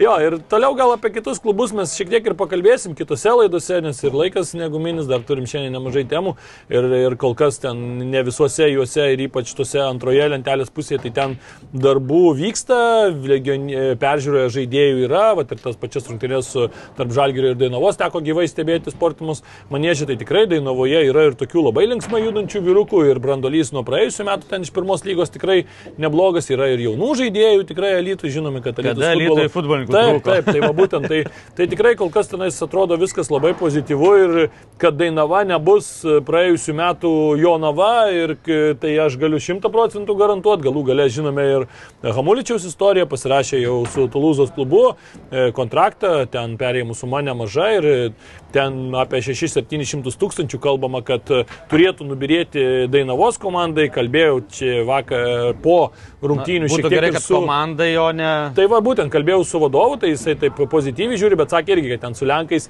reikalų yra, Lenkai ten kažką kalba, kad mes jau čia nebe ne PVM mokėtojai, tai ten šiek tiek mažiau jau ten, na jau žinai, prisideda visi niuansai. Tai ka- Kada Lenkas nesistengia išdurti lietuvių? Ne, Lenkai. stebėsi. Tai. Nu, žinai, Kai Lenkai da- dabar ukrai, ukrainiečiams daug duoda pa, pagalbos, negaliu nieko skūstis, Čia va nenoriu vienintelis aspektas, kur Lenkai šiek tiek pasikėlė mano. akyse Reabilitavo, tai net ne šiek tiek, sakyčiau, akise pasikėlė labai daug, ir, bet jo, galim pajokauti. Apie kaimynus visi jokauja ir, ir čia yra sveika. Lenkus, matai, PVM 23 procentai. Bet ne viskam. Išskyrus Mėsai mažesnis, man atrodo, 6 procentai. Tai dabar kamuličių kaip kilogramais pardavė Lenkai. Tai gyvas svoris. Tai va, va. Tai geras klausimas, tai va, reikės aiškintis dabar, koks ten tas PVM, kai žmogų Na, bet parduodi. kažkiek pasieks pinigų. Tikrai pasieks kažkiek pinigų Dainava, tai nežinom, na, Dainava tai yra labai svarbu, nežinom, ten su tuo meru, kai užkrito tas šalmas po gaisro, ten padangų gamykloje, padangų ten ne gamykloje, o tam visam garaže, sandėly. Utilizavimo. Tai kai užkrito šalmas kita pusė, tai kažkaip su futbolu ir neatsisuka tas šalmas. Bet dabar, bet dabar aš iš Alytos girdėjau, kad prieš, prieš rinkimus tai ten pažadų daug jau sakė ir tas duos pinigų, ir tas. Alytui- Tai gal tegu visi trys kartu duoda, tai bus kas- jau vos ko biudžetas. Reiktų ryto sportui, tai kad kiekvienais metais rinkimai, Rinkimai būtų. Kas Tai tada- pusmetį. Tai ten būtų, vat, tik prieš sezoną rinkimai iš Dar antrieji vulpsai kokie atsirastų. Tai, va, tai tas ir yra tiek pinigų, virš, apie milijonas trys šimtai tūkstančių, tiem sukišta Zukyjai, Lietuvos, kur va, dabar paėmė, perpirko, nu, dabar žaidžia, kitais metais nebebus Lietuvoje. Tai, va, o futbolas tai sveiks valio, kažkada skaičiau, kurie sužaidė virš 20 ar 25 rungtynių Lietuvos nacionalinėje rinktinėje. Tai Alitus, kiek esu, man atrodo, vos ne antroje vietoje buvo po Vilnius, kiek už, išugdė futbolininkų rinktinės. Tai ten visą laiką buvo futbolas, o krepšinio niekada nebuvo, kol negrįžo Tomas Pačiasas į Lietuvą. Tai, tai va, tokia stadija, tai tikrai va, tie pinigai tikrai pagelbėtų Dainavai ir jeigu dar su savivaldybė ras bendrą kalbą, tai tikrai, tikrai, tikrai ten viskas yra. Stadionas yra, futbolininkų yra, sirgalių yra. Tai tikrai manau, kad Jonavos scenarius aš labai tikiuosi, kad tikrai nepasikartos, net nepanašu į Be- tai. Ir manau, kad nėra variantų, Su džiugu, su banga, su šiauliais, Dainava tikrai gali kapotis dėl, dėl tokių. Na, šiauliai žiūrėsim, šiauliai kol kas e, labai neblogą veiksmą daro ir tokia irgi viena iš komandų, kuri išsilaikius beveik Ir dar visa. ir- Dainava gali kapotis ir gali, tai yra Marijampolė suduva. Tai va, va, tai aš norėjau perėti prie Marijampolės suduvos, nes uh, gal, sakau, kitus klubus e, vėliau paliesim, bet Marijampolė norisi apkalbėti, nes, na, žinome kalbas apie tą pardavimą, ar ne, kuris ten turėjo įvykti, bet paskui, kai jau buvo paviešintas pardavimo detalės ir paaiškėjo, kad ten gal ir slepiasi kažkur tai žydrūno buzo ilgos, ar nežinau kokios ausys išlindusios toj situacijai. Tai, kaip sakant, tas pardavimas kaip ir sustojo ir dabar atrodo, kad e, Vidmantas Murauskas jau po truputį įmasi tam tikrų veiksmų ir klausimas, ar parduos tą klubą. Gal ir vėl kalbėjo, kalbėjo jau ne pirmą tarp sezonį, bet greičiausiai, kad ir vėl teks jam e, vežti tą naštą, kaip sakant, ant savo tikrai tvirtų pečių. Kada šį pernai ir užpernai sulaukė 60-mečio jubiliejaus, jis sakė, kad jau na, nu, noriu, sako, šiek tiek ir pavardų, nes na, tikrai ilgus metus jis išlaikė tą suduvą ir visko buvo suduvos, žinom, kad e, kelyje buvo, kad irgi nepateko Europos turnyrus, e, negalėjo renkti ir, stovyklų užsienyje ir taip toliau, ir tos, bet tos injekcijos iš, iš UEFA tikrai sunku išgyventi Lietuvos klubų ir tau kovo dėl, e, dėl aukščiausių vietų, bet matom po to ta, na, tas visas valdymas išaugo tai, kad tris metus iš eilės buvo suduva Lietuvos čempionais ir puikus žaidimas buvo ir Europoje, ir žinom, klubus, kur ta Tokius klubus e, apžaisdavo, kur ten tas klubas už milijoną gali vieną žaidėją nusipirkti. Tai tikrai buvo puikių, puikių tų rezultatų ir, ir pilnos tribūnos ir taip toliau. Bet antras sezonas matėm ir pernai jau tos kalbos suaktyvėjo, kad jis nori parduoti klubą. Ir matėm, tai net nešė gerų rezultatų, nes komplektacija buvo vėlyva. Ir daug žaidėjų irgi, na taip, pavadinkim, na, neėjo į sūduvą dėl tos neiš, neiš, neiškumo. Liko dabar už Europos e, borto, vėl pardavimas, bet, e, na, žinom, nežinau, žiūrovai, e, kas nežino, tai ta yra tokia nuostata, kad, na, prie suduvos neprileidži drūno buzo per patranko šūvį ir nors tu ką, nors ir turi. Buzas e, VIP tribūną savo sektorių, ten tokį e, suduvos stadione ir lankosi tribūną, bet vis dėlto neprileisti, tikrai nežinau tų peripetijų, bet e, komanda ne tai, kad e, pradėta komplektuota, o visiškai iškomplektuota ir Marijampoliečiai patys išėjo kaip Matulevičius, visi, na, Taip, tai išsilakstė visi, Šveskauskas, kas Beneto, kur. Matulevičius, Osmendi, Urbys, um, Kulembombo ir taip toliau ten Ten paliko. Praktiškai komandą. nieko, nieko, neliko nieko komandoje ir kalbėjau, pasirodė žiniasklaidoje, kad Marius Stankievičius yra pretendentas treniruoti, kalbėjau su Mariu Stankievičium. E, jisai patvirtino, kad buvo pokalbiai su Murausku, kalbėjo apie tai, kad yra galimybių ir pats Marius Stankievičius taip, na, kaip ir rodo susidomėjimą, sako, man būtų įdomu, sako, bet su sąlyga, kad, na, būtų tai yra projektas, kuris tas tes- testinis būtų, kad viskas būtų, na, normalus. Tam, visi darbiniai santykiai ir taip toliau. Ir sako, suduvai pačiai reikia įsispręsti na, nemažai dalykų, nemažai viską susidėliot. Tada, sako, tos darybos, na, gal bus atnaujintos. Pokalbiai buvo su Marium Stakevičium, e, suduvos vadovo, kaip klostysis toliau, niekas nežino, nes kol kas matom, na, jeigu kiti klubai skelbia, tas papildė, tas papildė, tas papildė, ten pratęsas kontraktas, ten kažką pasikeitėm, tai suduvos matom tik tai ačiū tau, ačiū tau, dėkojame tam už žaidimą ir viskas, kol kas komandos nėra, o iki čempionato lieka realiai mėnuo ir, ir tai savaitė. ten buvo kalbos, kad e, Suduva B žais su Žalgiriu C ar ne, Taip. bet realiai tai ten žaidė ne Suduva B, o Suduva tokia, kokia jinai Kokia dabar taip yra. yra. Nes na, Ir A realiai, dalis, taip, realiai ten taip. žaidėjų, apžinai, geresnių buvo- žaidėjų taip, kas nėra. Tiesiog, tie taip, kas, žaidė. kas yra, tas žaidžia. Tai, tai realiai ten yra su, Suduva ir tu žaidži su Žalgiriu C, kaip sakant, na, tai akivaizdžiai parodo, koks yra tavo dabartinis pajėgumas. Faktas, kad e, pinigų reikės mėsti daug, Europos nėra čia yra didžiulis nuostolis, tu jau pinigų iš Europos neturėsi, tai tai yra tikrai, na, vėl didžiulė finansinė injekcija iš, iš paties Vidmanto Murausko, ką mes žinome, iš jo įmonių valdomų ar ne, kalbama ten yra, kad ir Hikvision galbūt šiek tiek daugiau prisidėtų, galbūt ten irgi ateitų kaip didesnis partneris, na, tai galbūt kažkas keisis toje linkmėje, toje linkmėje, bet, na, reikės, sakykime, toje terpėje tikrai padaryti daug, daug e, žingsnių ir kol kas e, suduvos likimas ir kol kas jos šansai kažką tai rimto veikti, Europ, e, kovoti bent jau dėl Europos vietų yra kol kas, na, tokie labai labai abstraktus, aš pavadinsiu, nes, migloti. Nes, nes kiti tai stiprėja, Hegelman, Kauno Žalgiris. Ir kiti treniruojasi. Panevežys, Panevežys irgi visi, visi taikosi būtent į Europos tas Taip, vietas. taip. Na, tas ketvirtukas nežinau, tai jeigu... atrodo toks, koks praeitais metais buvo, tai jis atrodo, kad visas stiebėsi į viršų. Ir dar tie patys ten šiauliai, tarkim, nu vis tiek tu uh, nusiperki ten, na, prisivilioji atgal ten mantą kuklį. Uh, Gidijų Vaitkūną, Simoną Urbį, na, tokius lietuvius, ką mes žinome, jis laikė tas patys Šebetūną, kuris praėjusią sezoną puikiai ten jiems įvarčių štampavo antroje sezono pusėje, tai man atrodo, Šiaulė irgi atrodo tokia tikrai konkurencinga komanda, o suduvojo tie patys riteriai, ar ne, dar kol kas taip irgi vaizdas dar labai labai sunkiai nusakomas ir tikrai dar daug neturi, bet, na, sakau, apie tas komandas gal ir pakalbėsim labiau kitoje laidoje arba kitose laidose, matydami jau didesnį paveikslą apie lygą. Galbūt užbaigsim tuo, kad pranešimai yra ir jau oficialūs pranešimai, kad ir VAR bus pradėtas naudoti lygoje. Tiesa, nuo vasaros pabaigos bent jau taip akcentavo e, generalinis sekretorius Lietuvos futbolo federacijos Edgaras Tankievičius ir sakė, kad e, antroje vasaros dalyje, tai taip reikia suprasti, kad turbūt po tos pauzės, kuri būna ten europinė pauzė Europos. ir tuomet jau e, rūpiutį, kai vėl restartuojasi sezonas, tai tuomet turbūt ir matysime vartai. Na, toks geras žingsnis į priekį, žiūrėsime, kaip tą pavyks padaryti.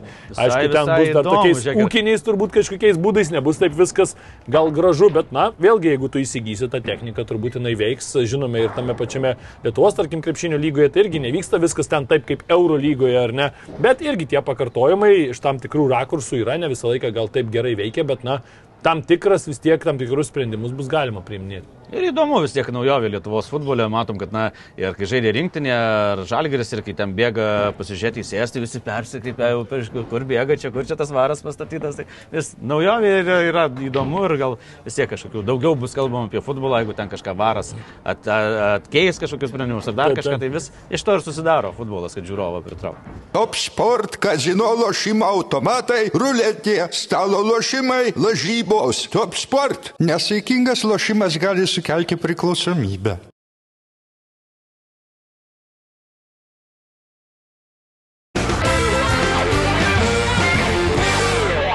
Na dabar keliausim į tarptautinės batalijas, top 5 čempionatai vyksta toliau, jau kaip ir minėjom su Židrūnu pačioje laidos pradžioje, jau nuo kalėdų antrosios dienos. Anglai nieko nelaukia po pasaulio čempionato sugrįžo ir daugiausiai tų rungtynių sužaidė, vokiečiai dar tik tai Visai neseniai, prieš savaitėlę maždaug pradėjo žaisti, tradiciškai padarė jie ir tą savo žiemos pauzę, tai ten daugiau nei 60 dienų kai kurie žaidėjai nežaidė futbolo, tai tokios atostogos gavosi tikrai rimtos tiems, kurie nevažiavo į pasaulio čempionatą. Aišku, ten buvo ir kažkiek laiko pailsėta, paskui įvairios stovyklos, daugiausiai ten šiltuose kraštuose ir ten kažkokie tai draugiški mačai.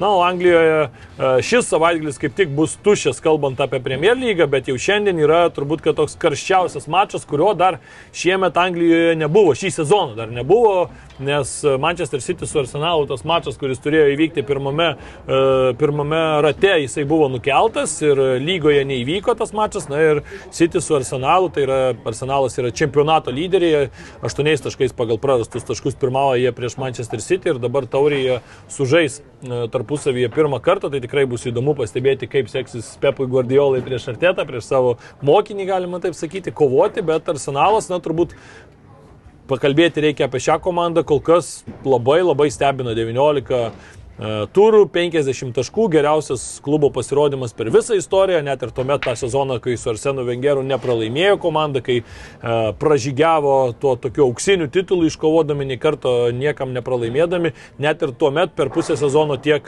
Arseno Vengero tuomet vadovaujami ganeriai nesurinko, dabar atrodo, na, iš niekur, ne, komanda, kuri prieš sezoną kai net ne visi matė ketvirtį šią komandą. Ketvirtį tai nelabai, man atrodo, ir matė, kas, kas kalbėjo. Na, ketvirtį dar galima buvo, bet- e, Newcastle'as stiprėja, čia Liverpoolis, Man City jau čia dviem komandom jau iš karto rezervuotos Taip, taip, jau vietos. buvo. Pirmos United dvi, dar. e, United ir taip toliau. ir Chelsea na, taip. su savo Chelsea investicijom. kiek, kiek pastovi leidžia ir leidžia pinigų, na tai taip arsenalas taip labai atsargiai, netgi arsenalo fanai taip labai atsargiai žiūrėjo, kad na ar pavyks. Ketvirtukas būtų buvę gerai jiems, labai. Taip, taip. Bet ką jie čia žaidžia, tai aš tik sakau, na, trenerio darbe nieko nėra pastoviau už laikinumą. Tai matom, ar teta realiai trūko ten dar vieno pralaimėjimo ir Du Arteta mačai kokie ir būtų jau būtų viskas, jau palikęs arsenalą su skambučiais.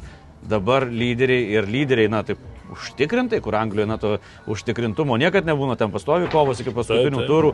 Dabar penki taškai pagal prarastus, kažkokie aštuoni prieš Manchester City, kur, na, kažkas, kažkas nerealaus, tikrai fantastiškas sezonas ir jeigu jie išlaikys iki galo, tą tai bus šiandien ne mažesnė staigmena, kaip Lesteris laimėjo čempionatą kažkada, tai tikrai, kad, na, iš arsenalo, kad jie tap čempionas, tikrai niekas nesitikėjo.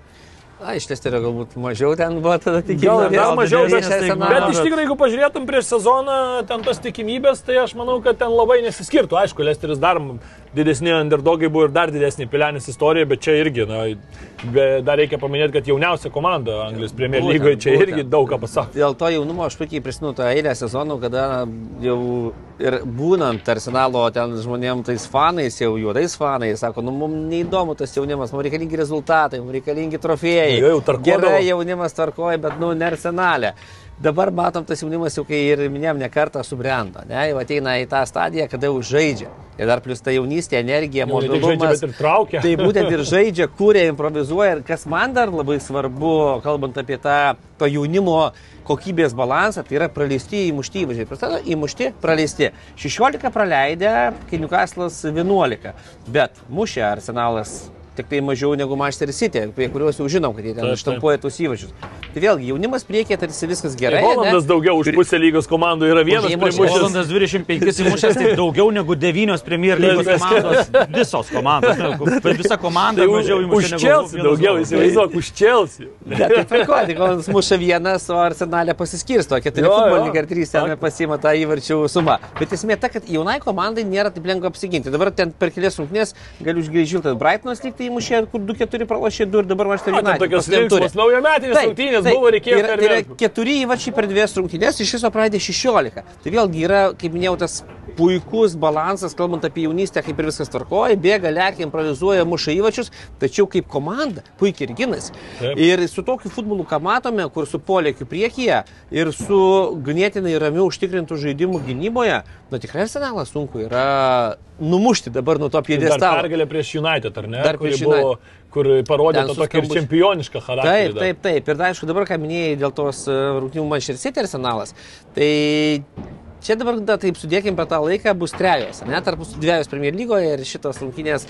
E, ir jeigu Man City sugebės įveikti, tai dar negarantuoja to, kad tu ir nužingsniuosi. Faktas, bet faktas. gali būti tai, kad šiek tiek gali išmušti arsenalą iš to pasitikėjimo. Jeigu kaip pavyzdys pralaimė dabar rungtynės Manchester City, po to dar porą eigoje Premier lygos, dar kažkur papulsi kokias lygiasias sužaisi, va tada klausimas, kurioje sezono stadijoje gali prasidėti arsenalo, na toks, ne tai kad birėjimas, toks- taip, sėdimas, kuriuo gali pasinaudoti Man City. Tai čia dabar ta tokia, na, tiesioji tarsi prasidėjo, tik tai antrasis tas ratas, ne, ir, ir komandos įsibėgėja, ir kaip vat išlaikys arsenalas. Kol kas, kaip ir taudydas minėjo, tikrai, na, smagu žiūrėti, malonu žiūrėti ir tiesiog žiūrėdamas, tu matydamas tą futbolą, lauki tų momentų, lauki tų įvarčių. Ir tikrai žinai, kad jų bus. Na, tai gerai, gal neįmušė čia vienas rungtynės uždėlį. Su Newcastle, Su nulis nulis, Newcastle, taip. taip. O visa ten geriau žaidė. Taip, taip, taip, kad tikrai arsenalas labai maloniai stebi. Na, aišku, ir tas pats Newcastle'as čia, kaip tik galim perėti ir prie jų, tikrai irgi komanda, kuri fantastišką sportinę formą demonstruoja, tik 11 praleistų įvarčių po 20 rungtynių. Anglijos Premier lygoje Nikas Paupas jau 12 a, mačų Ir turi ne, nepraleidžia. pagal Tu- pavardės ne pačią geriausią gynybos grandį. Kad atrodo, tu pasižiūri prieš sezoną, Botmanas, Šeras, Tripieras ir Denas Barnas dviejų metrų krašto gynėjas. Galvoju, nu, okei, okay, ką jūs čia žaisit, pažiūrėsim, bet, nu, prašau. Ir sakėm, dabar ateis arabų šeikai, mes daug pinigų pinigų ir taip toliau. Ir reikia, reikia, o jie tokie, na, skambių pirkinių tokių ir nebuvo. Skambiausias pirkinys Aleksandras Įsakas e, kol kas daugiau ant suolo praleido, netgi ne ant suolo tribūnose, nes nelabai žaisdavo dėl traumų. Tik dabar va, tauriai išėjo ir padarė ten įvartį, įnumetė Želintonų į tušius vartus, bet iš principo tai nežaidė. Tai čia tikrai... Kur, kur praėjusią sezoną kovojo komanda dėl išlikimo Premier Taip, lygoje. Tai matom, kaip pasikeitė viskas. Na, sakau, čia sunku nuspėti ir kai pasižiūri Liverpoolis 9 vietoje, 10 Chelsea po 29. Arba taškus pasižiūri suteikti. Brightonas, Fulhamas, Brentfordas, 6, 7, 8 Tai po čia pusės visą sezono. laiką kalbėdom top 4, ne tas e, Top šeši, Top vadinami. 6 po to išsiplėtė Anglijoje, o dabar. Top Kur- 10? Kur čia kiek yra? Ne, tai jau dabar net ir skaičiuojama yra, mačiau jau šį sezoną, kai jau, tarkim, jau prieš kažkokias rungtynės Anglijoje jau statistika pateikia, kad čia uh, va dabar žaidė Arsenalas su, su United ir kiek taškų surinko su top, tarp top 6 komandų plus Newcastle'as. nes jau Newcastle'as jau kaip ir negali neįtraukti, nes nu, trejetukė komanda, kur eina ant čempionų lygos. Tai va tie tokie niuansai jau, jau ten apie Liverpoolį, apie Chelsea vis tiek dar kalbama kaip apie tas top 6 komandas, bet kol kas jiem iki to top 6 to tikrai tolokai. Arsenalas, ne kaip skiriasi ir kaip skiriasi Liverpoolis. Visą laiką kalbėjom, Liverpoolis ten jo, ten šimtus taškų rinkdavo ir taip toliau ir atrodė, na, tai labai pasikeitė komanda, ne, ne, nepasikeitė. bet- Paseno. Paseno. Sulėtėjo. Taip, taip. Nu, tai šiais, šiais metais Liverpoolio pasirodymai labai paprasti. Šiais metais Liverpoolio pasirodymai paprasti. Pralaimėjimas Brentfordui 3-1, pralaimėjimas Brightonui 0-3 ir lygiosios su Chelsea 0-0. Su Tai su tokiais, su tokiais pačiais lavonais kaip ir jie, žinai. Tai, tai va, tai įmuštas vienas įvartis per tris mačius. Dar vienas Nuniesas, ten Mosala, taip toliau, netrūksta mums čia Sadijo mane ir visi bairiai. Matom, kad trūksta, bet aišku, ne, ne ten pagrindinės turbūt problemos. Mes jau čia apie Liverpoolį daug e, kartų esam kalbėję. Ta vidurio saugų linija, jau jeigu tu matai, kai Baičetičių jaunuolė 18 metų jau klopas stato ir bando parodyti kitiem, kad vyrai jūs čia jau netenkinat, kad jau ten reikia traukti tokius jaunuolius į startinę sudėtį, tai jau turbūt daug, daug ką pasako, tai žiūrėsim iš tikrųjų, bet kol kas Čelsi su Liverpooliu labai labai slogiai atrodo Anglijoje ir aišku, labai daug įdomių kovų vyksta ir lentelės dugne, kur nuo 14 komandos, kuri yra Lesteris, iki 20 Southamptono vos 3 taškai skirtumas ir ten kapotynės labai labai rimtos investicijos, ten toliau, tarkim, Nottinghamas toks pats ten pasižiūri, perka to žaidėjus ten po 20-15 milijonų, Southamptonas įsigyja naujų futbolininkų, vežasi, visi investuoja, niekas nenori iškristi, visi supranta, kiek, kiek- kiek iškritimas, kiek prarandi kainuoja. Taip, taip. Jeigu tai... čempionšip rungtynės, kur perimas, kas, kas pateks į Premier lygą, vertama šimtų milijonų. Ta, tai Taip, kiek, taip. kiek tu prarandi tada iškritęs iš lygos. Ir, ir tau iškritus visą laiką po to daug sunkiau sugrįžti į tą lygą negu būna. Be jokios abejonės ir na, tikrai bus labai labai įdomu ir jeigu čia dar kilo anksčiau tokių šiek tiek klausimų, ar tikrai čia pati pajėgiausia lyga ar ne, Premier lyga, tai dabar jau tikrai turbūt, kad klaus- klausimų nėra. Taip, dar pavieniai klubai, ten Barça, Realas, ten Atletiko, a, Bayernas, PSG gali priešintis, bet a, matom, kad net ir italų klubai jau labai sunkiai kažkaip tai ir tie topiniai gali pasipriešinti, kokius pinigus kartais moka vidutiniokai. Ir mes matom, kad Unajų Emery iš Vierelio, iš komandos, kuri praėjusią sezoną žaidė pusfinalyje, prisiviliojo ten antroje lentelės pusėje kovojantį Aston Villa, kuri pagerėjo rezultatai atvykus Baskui, bet, bet iš esmės vėl tai parodo, kokį trenerį gali prisivilioti visiškas Anglijos futbolo vidutiniokas ir net žemiau vidutiniokas. Na, čia tas kontraktas viską padarė, kai pasirašė ten milijardinį kontraktą dėl televizijos teisų pardavimo ir tada šovė į viršų anglai, na, palikdami visus kitus ir matom, kad dar ta e, koronos pandemija, kai visas futbolas sustojo, tai, na, tikrai ispanai, ko gero, sunkiausiai iš to lygų išgyveno visą tą periodą ir tikrai susilpnėjo komandos ir, ir žinom, Barcelona kiek finansinių problemų turi, e, italai taip pat irgi nukentėjo, anglai, kadangi buvo tos, tie pinigai yra už už televizijos transliacijas, nes, na, ir po to ir buvo atgyvintos tos e, taip. rungtynės, tai jie mažiausiai nukentėjo ir na, ne vieno, dviem žingsniais priekyje su finansiniam galimybėm negu kitos e, Europos lygos. Ispanija šį savaitgalį Realas žaidžia su Real Sociedadu, tai yra antra ir, trečios, antra ir trečia komandos ir tik tai tris taškai skiria, taip vienu rungtynėmis, vienomis rungtynėmis tiek Barça, tiek Realas yra mažiau sužaidę, tarp jų irgi trijų taškų tarpelis, tai viskas dar čia labai arti, bet pastaruoju metu Barsos forma šiek tiek yra geresnė nei Madrido Realas, ten Barso tos taškelius kai kur, nors aišku ir ta pati Barsa ten su Getafe, tarkim, pergalė 1-0 nebuvo labai užtikrinta, tiesa dabar taurėje įveikė tą patį Real Sociedadą, nors rezultatas tik tik 1-0, bet ten galėjo ir daugiau įmušti Barsą pirmame, ypač kelinyje, aišku, ir savų šansų turėjo Real Sociedadas, bet iš esmės turbūt, kad e, lenktynės galima sakyti, kad yra tikrai atviros. Šį savaitgalį Barsai Žirona laukia, tai toks irgi derbis, Katalonus, Katalonijos komanda, aišku, na, tokių didelių derbių čia nepavadinsi, mini toks derbiukas turbūt labiau, tik tai tuo tokiu lokaciniu atžvilgiu daugiau, bet iš esmės turbūt, kad viskas kol kas logiška, ar ne, ir Sevija po truputį bando lipti iš dugno Daugiau net nežinau, ką čia dar Ispanijoje galima be pridurti. Na, ten reikia įsibėgėti dar po, po pasaulio čempionato e, La lygos pirminybėms. Italija, na, man atrodo, kokia, e, kaip ir Anglija, ten intrigų daugiau negu pakankamai. Ir aišku, Napolis toliau nenustoja stebint, tai patyrė pirmą pralaimėjimą čempionate, bet tai buvo, na, vis tiek e, ne tas pralaimėjimas, kur įtakojo. Taip, Interų išvykoje, aišku, ten geriau žaidė Interio komanda. E, sausio ketvirtą dieną, bet po to vėl trys pergalės išėlės, 12 taškų persvara. Kaip nugalėtas prieš... buvo Juventusas? Juventusą, apie Juventusą kaip nugalėtas, ar aikštėje? Pradžioje aikštėje gavo 5, o už aikštės 15. 15. ir turėk. Tai iš tikrųjų Napolis, na aš nežinau, tokį žaidimą demonstruojant, na sunku tikėtis, kad jį pasigaus artimiausi persvartai, kaip minėjau, 12 taškų Milanas, kuris irgi barsto taškus, e, trijų rungtinių išėlės negali laimėti Milanas. Tai tragiškai dabar Latvijos, dabar Latvijos keturis gavo, prieš tai Super Taurėje Saudo Arabijoje nu 3 nuo Intero gavo. Tai, tai tikrai matom, kad krenta. Latvijos dvi pergalės iš eilės, 6-0 e, toks santykis per paskutinės dvi rungtynės, 13 taškų atsilieka ir 13 taškų atsilieka net 3 komandos - Latvijos, Interas ir Roma. Ir būtent, na, tokios top rungtynės e, šį savaitę savaitgalį, tai e, Napolis žais su Roma, kur irgi labai svarbus taškai, nes, na, vat, būtent dėl tų keturių vietų dar Atalanta dviem taškais nuo Romos, Intero ir Laco atsilieka, tai, tai matom, kad, na, irgi toks, na, sambrūzis kaip turi būti, iš kurio sambrūžio iškrito Turino Juventusas, gavo minus 15 taškų ir matom, kad... Dabar tikrai, yra 10 su 23 e, taškais. Nežinau, aišku, ten tų visų peripetijų ir taip toliau, bet žinom, kad, na, Italijos federacija, lyga ir taip toliau ir su EFA tokiu palaiminimu kalbėjo, kad Juventusą gaudys, bandys. Tai dėl Superlygos. Už super, dėl Superlygos kūrimo, kad jau taip duotų per achilus, kad, kad, kad jau daugiau nešakinėtų. Rinko tą. Taip, ir matom, kad, na, surado, bet matom, kad Italija yra Italija, ne, kiek tų skandalų buvo. O pirmą kartą bet... Juventusas? Ne. Tai va, tai, tai ten priima labai griežtas sankcijas ir palauk nebūna per kalčio polį. Pirminis buvo, kad Juventusai seriją C išmesti, net tai buvo pirminis sprendimas. Po to ten po tų apeliacijų visokių seriją B teko parungtiniauti ir Bufonui, ir Nedvidu, ir kitom Juventuso žvaigždėm, tokiem kaip dėl Piero.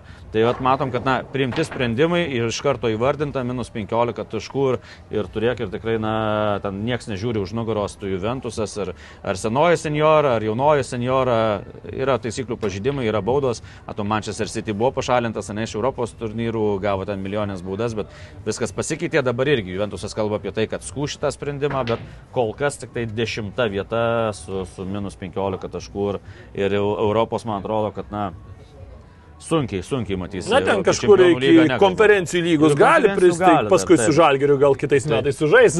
Neblogai visai būtų, kodėl gi ne. Laukėmės gemo, ne pernai. jo, nu dabar jų vis galėsim laukti. Na nu jo, ten jau bus labai sunku, Atalanta šeštoje vietoje, 35 taškai, tai 12 taškų skiria ir dabar kaip tik neseniai žaidė, tikrai puikų mačą sužaidė 3-3 e, Atalanta su Juventusu. E, šį savaitgalį Napolis Roma toks centrinis mačas ir taip pat Lacijo Fiorentina įdomus irgi E, įdomus bus kapotynės, bet šiaip turbūt dabar jau žiūrint į lentelę, tai aš manau ir matant Milano formą, matant kaip Interas, o kaip tik čia už mūsų ekranuose mm. žaidžia su kiniškais hieroglifais užrašytom pavardėm, kur irgi nesuprantu aš tų variantų, bet viskas gerai.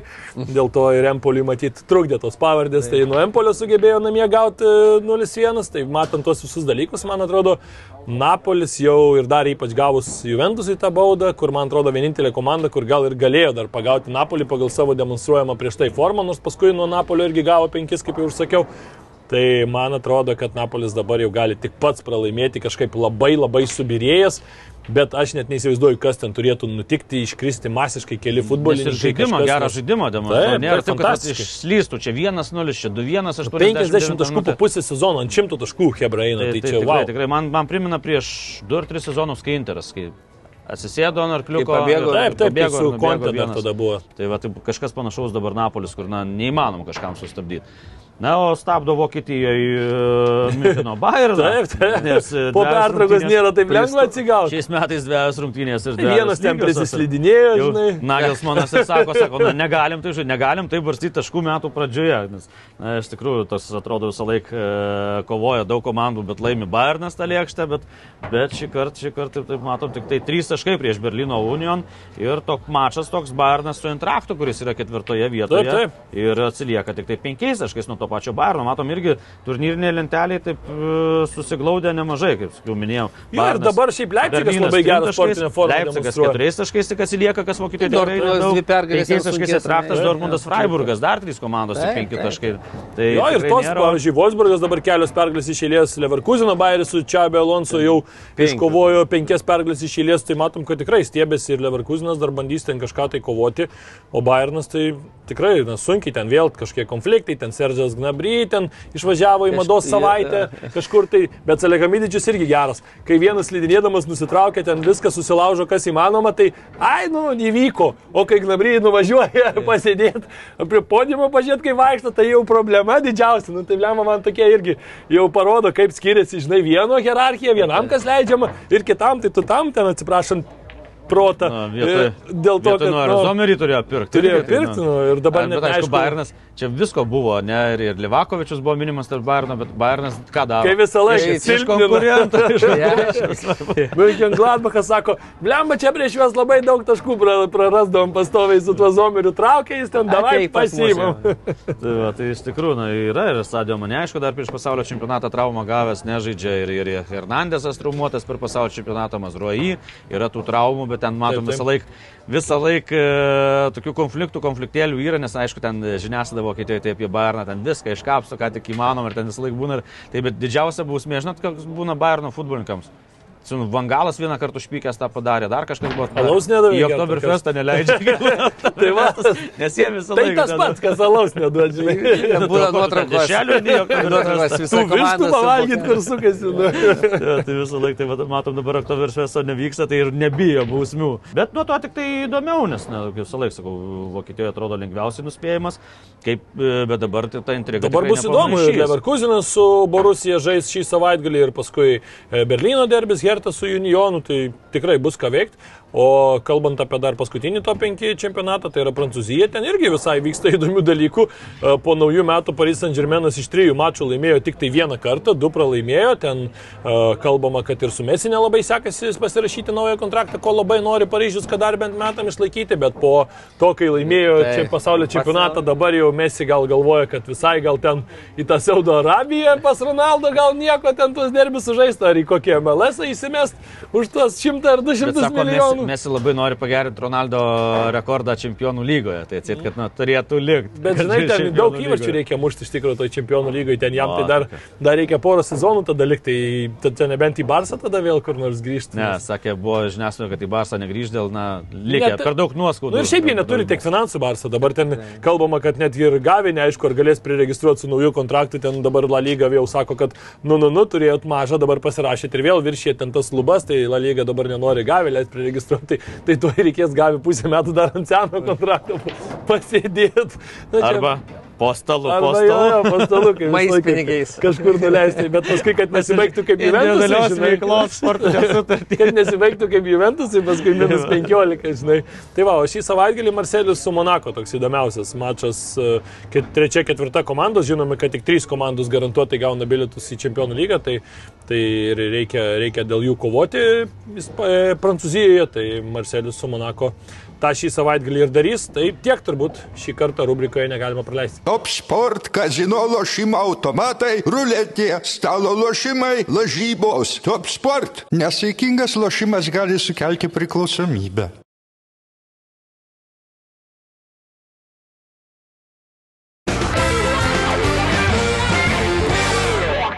Įdomybių rubrikoje šį kartą paliesime vieną temą, kuri irgi yra tikrai svarbi. Kitą savaitę paaiškės, kas taps Lietuvos futbolo e, geriausiais, geriausias futbolininkas, geriausia futbolininkė, geriausias lygos žaidėjas, geriausias futsal žaidėjas, geriausias jaunas žaidėjas ir taip toliau. Ir netgi bus išrinktas ir geriausi Lietuvos futbolo turinio kūrėjai, kuriuose pretenduojam tapti ir mes, reikia pasakyti. Ai, balsuoti E, nekviesim, nes... ką Nebus išrinktas, o jau išrinktas. Gal jau Turinio kūrėjai tai lems tik tai žiūrovų balsai, tai Ai. jau balsavimas baigtas. Jau baigtas, ar ne? Jau Ai, nu baigtas. tai Yra va, tai- kelios, kelios nominacijos, kur... Tai mes nekvietėm ir niekada ne vienais metais šiai balsuoti, nes, e, ką žinau, ten kvies balsuoti, nu, tai kas, kas jau balsuoja, kas, kas randa Kas kas, balsavo, kas žino, ačiū, tai bet ačiū, be jokios abejonės tikrai.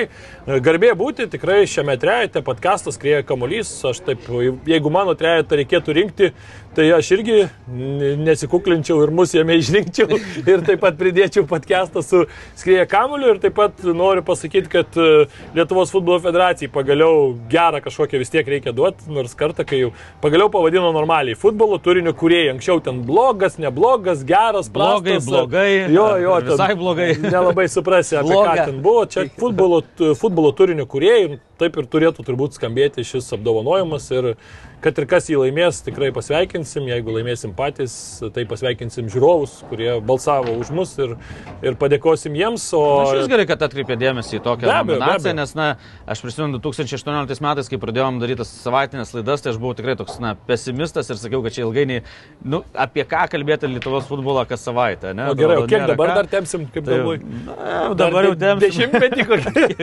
Kiek dievas duos. Va tikrai po to pamatom, kad ir po to atsirado ir kitų kolegų, kur pradėjo daryti tuos podcastus ir taip toliau, ir jų skaičius tik tai auga. Tai, tai čia labai, Labai gerai, gerai, taip. nes, na, kai tu pasižiūri, pas mus dabar irgi, ne, buvo pasaulio čempionatas, na, tai buvo du žurnalistai, jeigu neklystu, iš Lietuvos nuvažiavę, ten po to LRT ten keitėsi. Taip, taip. Kas, e, tai realiai pastojo būdavo du žurnalistai tik tai, o kai pasižiūri toje pačioje Lenkijoje, aišku, jie dalyvauja pasaulio čempionate, bet kai keturios televizijos nuo ryto varo, vienas... Nu, jeigu mes dalyvautumėm, aš manau, kad ir mūsų būtų daugiau, tikrai. Na, Būtų, žinant būtų. redakcijų požiūrį į sportą, ką aš žinau, ką aš žinau. Na, jeigu futbolas būtų, žinai, Ne, tokia... 2-3 būtų krepšinio pasaulio čempionatą vis tiek pažiūrėk, kaip važiuoja. Kitaip, tai žinai. Taigi pas mus antra religija. Čia. Na, kokia čia religija, žinai, kaip futbolas, jeigu truputį geriau bent žaistumėm, tai tos religijos niekas net ne, Tai neatsimintų, kad, būtent, kad na, vyksta tai, tai, tos rungtynės. Su pavydu žiūrėdavai į, kaiminę šalis, bet, bet skau, va, tikrai tų podcastų tikrai dabar auga kaip ant mylių ir tikrai tai žiūrovas ir pats atsirenka, kas jam įdomiau ir tai gal ir viską žiūri. Tai, tai vis apie futbolą informacija ir ta, ta informacija tave traukia tiek į rinktinę ateiti, tiek į, į klubus ateiti tą lygą ir taip toliau. Tai tikrai tas futbolas, kaip sakant, populiarėja. Tai va, to, kad dar labiau populiarėtų futbolas, Kalsberg turi jums dovanų, mūsų rėmėjas, štai tokį gražų kamolį, padovanosim jums, paprasta yra atspėti, kas taps Lietuvos geriausių futbolininkų, kas bus išrinktas, paskelbtas bus antradienį, o mes kitoj laidoj. Ir padovanosim jums šį kamolį, tai balsuokit, Kalsberg tikrai gražus įsteigtas Turit prizas. šansų atspėti vienas iš trijų, nes Jo. Trys, pretendentai likę, tai Edvinas Gartmanas, Justas Lasiskas ir Vilius Armanavičius. visą... Ir dabar dar duokim tada, duokim tada žiūrovams kažkokį vis tiek reikia duoti nu, paskatą, e, hintą, kaip čia vadinama, kad kas taps jūsų nuomonė. Mano nuomonė, kas taps? Aš mano nuomonė, tai Edvinas Gartmanas, e, nes tikrai daug prisidėjo prie to, kad Žalgeris pasiektų e, istorinį pasiekimą patekti Taip, į taip. Europos turnyrų grupės pagaliau pirmą kartą ir, ir aš tik tai pasižiūrėjau, kada paskutinį kartą lietuvis e, geriausiu Lietuvos futbolininku tapo Lietuvoje žaidėjas, kuris ne? žaidė Lietuvos klube. Aha, čia geras, nepasakyčiau, žinau. Nenusižiūrinėk. Ne, ne, aš, ne, aš, aš nežiūriu. Seniai, galvoju, buvo, seniai. labai Irgi. Vilniaus Žalgerio atstovas. Tai Šemberas gal koks? Irgi Ne, šiandien. vartininkas. Valdemaras Martinkienas 89 O, metais. Jėzu, Mani. Vyriausias. Nes po to, na, žinom, kad Aš Ivanauskas, Vienos Austrija ir taip toliau, ir, ir, visi legionieriai buvo renkami geriausiais Lietuvoje. Tai e, atstovavo kaip Ivanauskas, Taučiai, Jankauskas po kelis kartus ir taip toliau ir panašiai. Ir, na, dabar, aišku, klubai žiūrint, na, gerai, Lietuvos, matau, Lietuvoje žaidžiantis, nes, na, tie mūsų lyderiai, kur ir Novikovas laimėjęs tris kartus geriausio, matom, kad žaisdamas Turkijos antrojo lygoje laimėjo, tai dabar tik tie klubai tikrai nekokie, pavadinkim taip, tai aš atsimenu 13 metais, kai Mindaugas Kalonas laimėjo geriausio titulą atstovaudamas Bakų klubui, tai sakė, manau, su tokiais klubais jau baisiau nebus, kad, kad laimė geriausią Lietuvos futbolo titulą, bet matom, kad yra kur tobulėti. Bet žinai, bet dabar Bakų klubas buvo- žaidžiantis Europoje, tu sakai Taip, Lietuvoje, taip, bet klubas žaidžiantis Europos turnyruose. Tai ar geriau žaisti Izraelį, bet būtent septintoje ar aštuntoje vietoje, ar geriau žaisti konferencijų lygai? Na, geriausių buvę iš Izraelio klubų, tai aišku buvo Vaidas, Vaidas e, Raimondas Žutautas, e, kuris žaidė tada Haifos Makabibė, ten ir buvo čempionų lyga, ir įvarčiai. taip, ir Manchester- įvarčiai į United vartus, taip. vartus, ir po to Devynių buvo dar Beršėvos Hapoelis, tai Ernestas taip. 19 metais. Taip, na, vartininkai tai tampa dažnokai, vat, ir, kaip ir sakė, paskutinį, paskutinį, vyriausią kartą, paskutinį kartą Martinkienas žaidžiantis Lietuvoje irgi vartų sargas, tai, kaip sakant, tradicijas tęsiam, o dar tik tai pasakysiu žiūrovams patikslinimą, kad e, po laida YouTube balsuokit ten, kur žiūrit, tai ten apačioje ir balsuokit ir rinkit savo geriausius, aš tai irgi savo balsą, jeigu reikėtų skirti, tai paskirčiau Edvinui Gertmanui. Iš tų žaidėjų, kurie čia yra šiame sąraše, aišku, rinktiniai turbūt daugiau davė Justas Lasitskas, nes jisai buvo pagrindinis žaidėjas, bet kalbant apie bendrą pasirodymą, tai man atrodo, kad Gertmanas irgi šį sezoną buvo, praeitą tiksliau sezoną buvo ta žaidėjas, kuris tikrai yra vertas to apdovanojimo, mano nuomonė. Pilnai su- sutinku ir pritariu.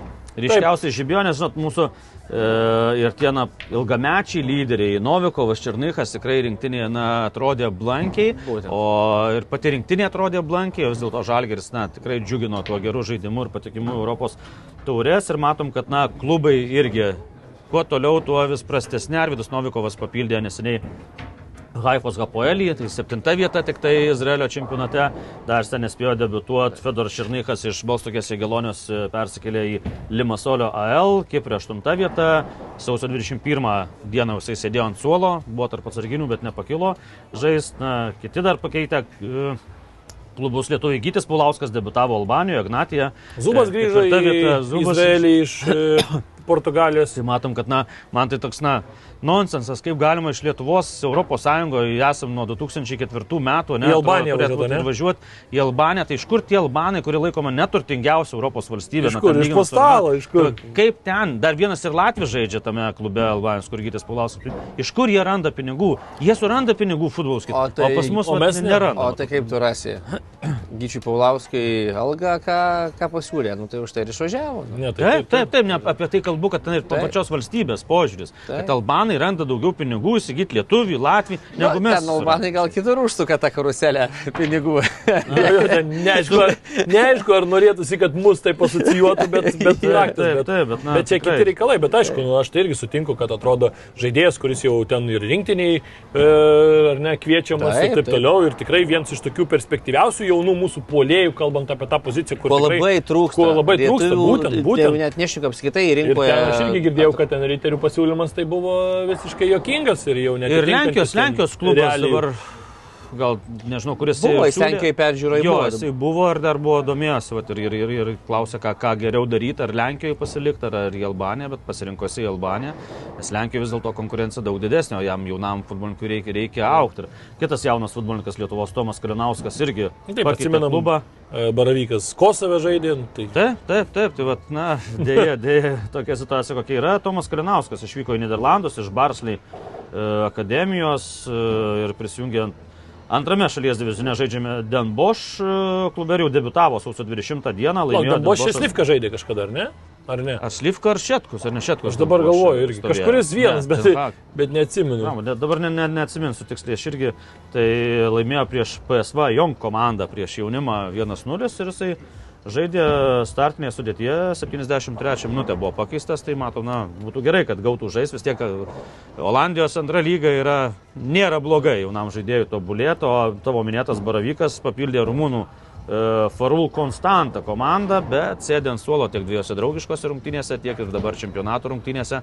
E, Sėdėjo ant suolo, nepatenka jisai į komandą, nu, prasme, negauna žaisti ir gavo Konstantą nuo Klužo 0-3 ir nukrito į antrą vietą. Tai matom, kad na, toks irgi šiek tiek nustebino, kad Baravykas be, be per, po tokios ilgos pertraukos, be žaidybinės praktikos pateko į vieną iš lyderių Rumunijos. Tai tenais, na, daug dievo, kad gautų kažkiek žaisti ir galėtų, galėtų tenai susikabinti, kad na, turėtumėm irgi gynėją su žaidybinė praktika. Jo, Slivka žaidė Dembošė, tai va, ne pirmas lietuvis žaidžiantis ten, tai palinkėsim sėkmės. Daugiau nežinau, ar ten verta per tas apdovanojimus ten eiti, kai, kai jau bus paskelbti ir ne, tai tada ir perėsim. Aš tai manau, kad Lietuvoje, tarkim, geriausias, tai turbūt, kad bus Nikolasas Goropcovas išrinktas, man atrodo, nors gali būti ir Vilius Armanavičius kaip lietuvis, bet aš manau, kad praėjusį sezoną ten Niko tokius koncertus išdarinėjo, kad nelabai gali tenais iš jo atimti. Geriausia organizacija turbūt irgi bus pripažinta Vilnių Žalgeris po tokio sezono, kažkaip kitaip nelabai ir būtų įmanoma. Tai toliau ten irgi Aš geriausias. matau intrigos. Na, treneris galbūt geriausias, jo, jo. na, Valdas Dambrauskas. Bet vėl čia Būrinas tokias pergalės pasiekė dabar. Tai va, tai būtent, na, visi, aišku, sakom, Dambrauskas, Dambrauskas. Aišku, Dambrauskas irgi laimėjo taurę su splitu praėjusiais metais, reikia irgi akcentuoti. tu, arčiau tavęs, tu matai Nu, tą taip, taip. žalgerį, kad jis pateko į Europos turnyrą, tai na, bus įdomu, įdomu, aišku, čia šitie balsavimai, nes dabar e, bus ir komisija, jau jinai komisija ir, ir atrinkinėjo po šitą trejetą, irgi dalyvavo tos rinkimuose, žiūrėjau, o dabar jau susumuos tos visus balsus ir dabar jau bus nuspręsta, kuris čia bus geriausias, na, nedaug liko, nedaug liko laukti. Jo, jo, nu, bet aš, Ant aš manau, kad logiška, nes, žinai, tas žiūrovų tai tada tampa ne geriausiu, o populiariausiu, nes tu gali tenais Taip, taip. kažkur tai pribalsuoti ir ten ir neaišku, ar tu išrinksi viską ten teisingai. Tai Nes aš dar manau, ir kad- vėlgi, na dabar žiūrim rezultatus pasiektus nu, už 2022 metus. Taip. Bet kadangi dabar rinkimai daromi tik tai sausį, prisiminkim vienais metais irgi vienas jaunas futbolininkas iššovė staiga, niekas to nežinojęs, pasirašo su Lenkais kontraktą ir taip, na tikrai, ne, ar tikrai jis nupelnytai laimėjo geriausio jauno futbolininko tada rinkimus. Ką žin, bet tuo metu, kaip tik jis pasirašė kontraktą, garsiai nuskambėjo ir visi balsavo Na, už jį. taip, taip. Tai matom, kad tas, na, šiek tiek gal ir pavėluoti. Būna tas rinkimai yra. pavėlavimas, taip, taip, tai čia, žinai, kaip ir pas, jeigu būtų, tarkim, Balondorą rinkę po pasaulio čempionato, tai vėl būtų mes jį atidavę, žinai, o ne, o ne Karimui Benzematai. Viskas ir gerai, kad, kad šiek tiek anksčiau tą darė, nes, nu, logiškai, logiška turbūt buvo, bet e, toliau keliaukim į dvi paskutinės mūsų rubrikas. Viena, vienos pakeitėm pavadinimą, balta kortelė pirmą kartą buvo e, futbolo istorijoje parodyta, Portugalijoje nuskambėjo, balta kortelė rodoma už gerus pasiekimus futbole, ar ne, už gražius epizodus, už etiškus, už fair play tokius epizodus, tai, tai mes irgi nusprendėm, kad visai gražu bus, jeigu turėsim baltą kortelę ir raudoną kortelę, tai pradėkim nuo baltos, tai aš šį kartą savo baltą kortelę atiduosiu Mikeliui Artetai už tai, ką jis padarė su Arsenalo komanda šį sezoną. A, Anglijoje šiaip neturiu tų tokių favoritų labai didžiulių, bet šį sezoną tikrai simpatizuoju Arsenalo komandai, jauna komanda, kaip žaidžia futbolą ir kaip smagu juos žiūrėti ir netgi smagu iš tos futbolo pusės, kur tu pastebi tam tikras naujas tendencijas, kurios bandomos įnešti, kaip pavyzdžiui rungtyniauja Zinčenko krašto gynėjas, nubraižomas, bet jo ten krašto gynėjo, tai nėra iš jo ten visiškai, galima sakyti, gynybinės funkcijas atlieka krašto gynėjo, o toliau tai ten ir tai ne visą laiką, jeigu, jeigu nueina į priekį, bet stebuklingai tikrai žaidžia ukrainietis, fantastika, tai Mikeliu Artetai šį kartą aš nuo savęs skirsiu už tą tokį tikrai labai labai gražų arsenalo žaidimą, ne tiek rezultatus, kiek ir, kiek ir futbolo grožį. Aš tai baltą kortelę norėjau skirti Garetui Beilui, kad žmogus pagaliau atrado, Atrado savo save. pašaukimą, atrado save jisai, ir paskelbė, kad dalyvaus tam prestižiniam golfo turnyre, kurio prizinis fondas net 9 Vasario milijonai mėnesį, man atrodo. Amerikos dolerių ir tą turnyrą yra laimėjęs ir legendinis Tigeris Woodsas, tai vat, jau galvojau, kad jau skirsiu Garetui Beilui, kad pagaliau žmogus, na, atrado save ir atrado savo pašaukimą, baigęs futbolo karjerą, suprato, kuo jis nori būti užaugęs. Bet šiaip dar Gyvenime. golfo pasaulyje 33, tai čia dar labai jaunas ir žinant, kad jisai... nepradėjęs Taip, žaisti. ir žinant, kad jisai, nu, tikrai... U, prak- U33 dar skirsta. praktikos turėjo daug, Madridė ten nežaisdamas, o gydydamasis traumas. Tai, va, tai čia aš manau, kad dar gali nuskambėti šitą pavardį, nes Tai va. aš kiek, kiek teko klausyti ant tų žmonių, kurie prieš gerą tabeilą žaidė ir kurie yra jau pakankamai pažengę mėgėjai, tai sakė, kad tikrai labai labai gerai žaidžia golfą Geretas Beilas. Tai va galės gal su Jasikevičius mėgsta irgi persimest, kada... Nu, žiūrėk, gal Beilą ir pamatysim olimpinėse žaidynėse, jeigu golfas išliks olimpinių žaidynų programų. Ko gali būti, bet aš vis dėlto baltą kortelę skiriu UEFA. Ir skiriu už tai, kad jie oficialiai paskelbė, trečiąjį, jeigu neklystu, oficialioje svetainėje paskelbė, kad UEFA Super Taurės rungtynės atimamos iš Rusijos ir nu tai Kazanėje ir perkeliamos į Atenus.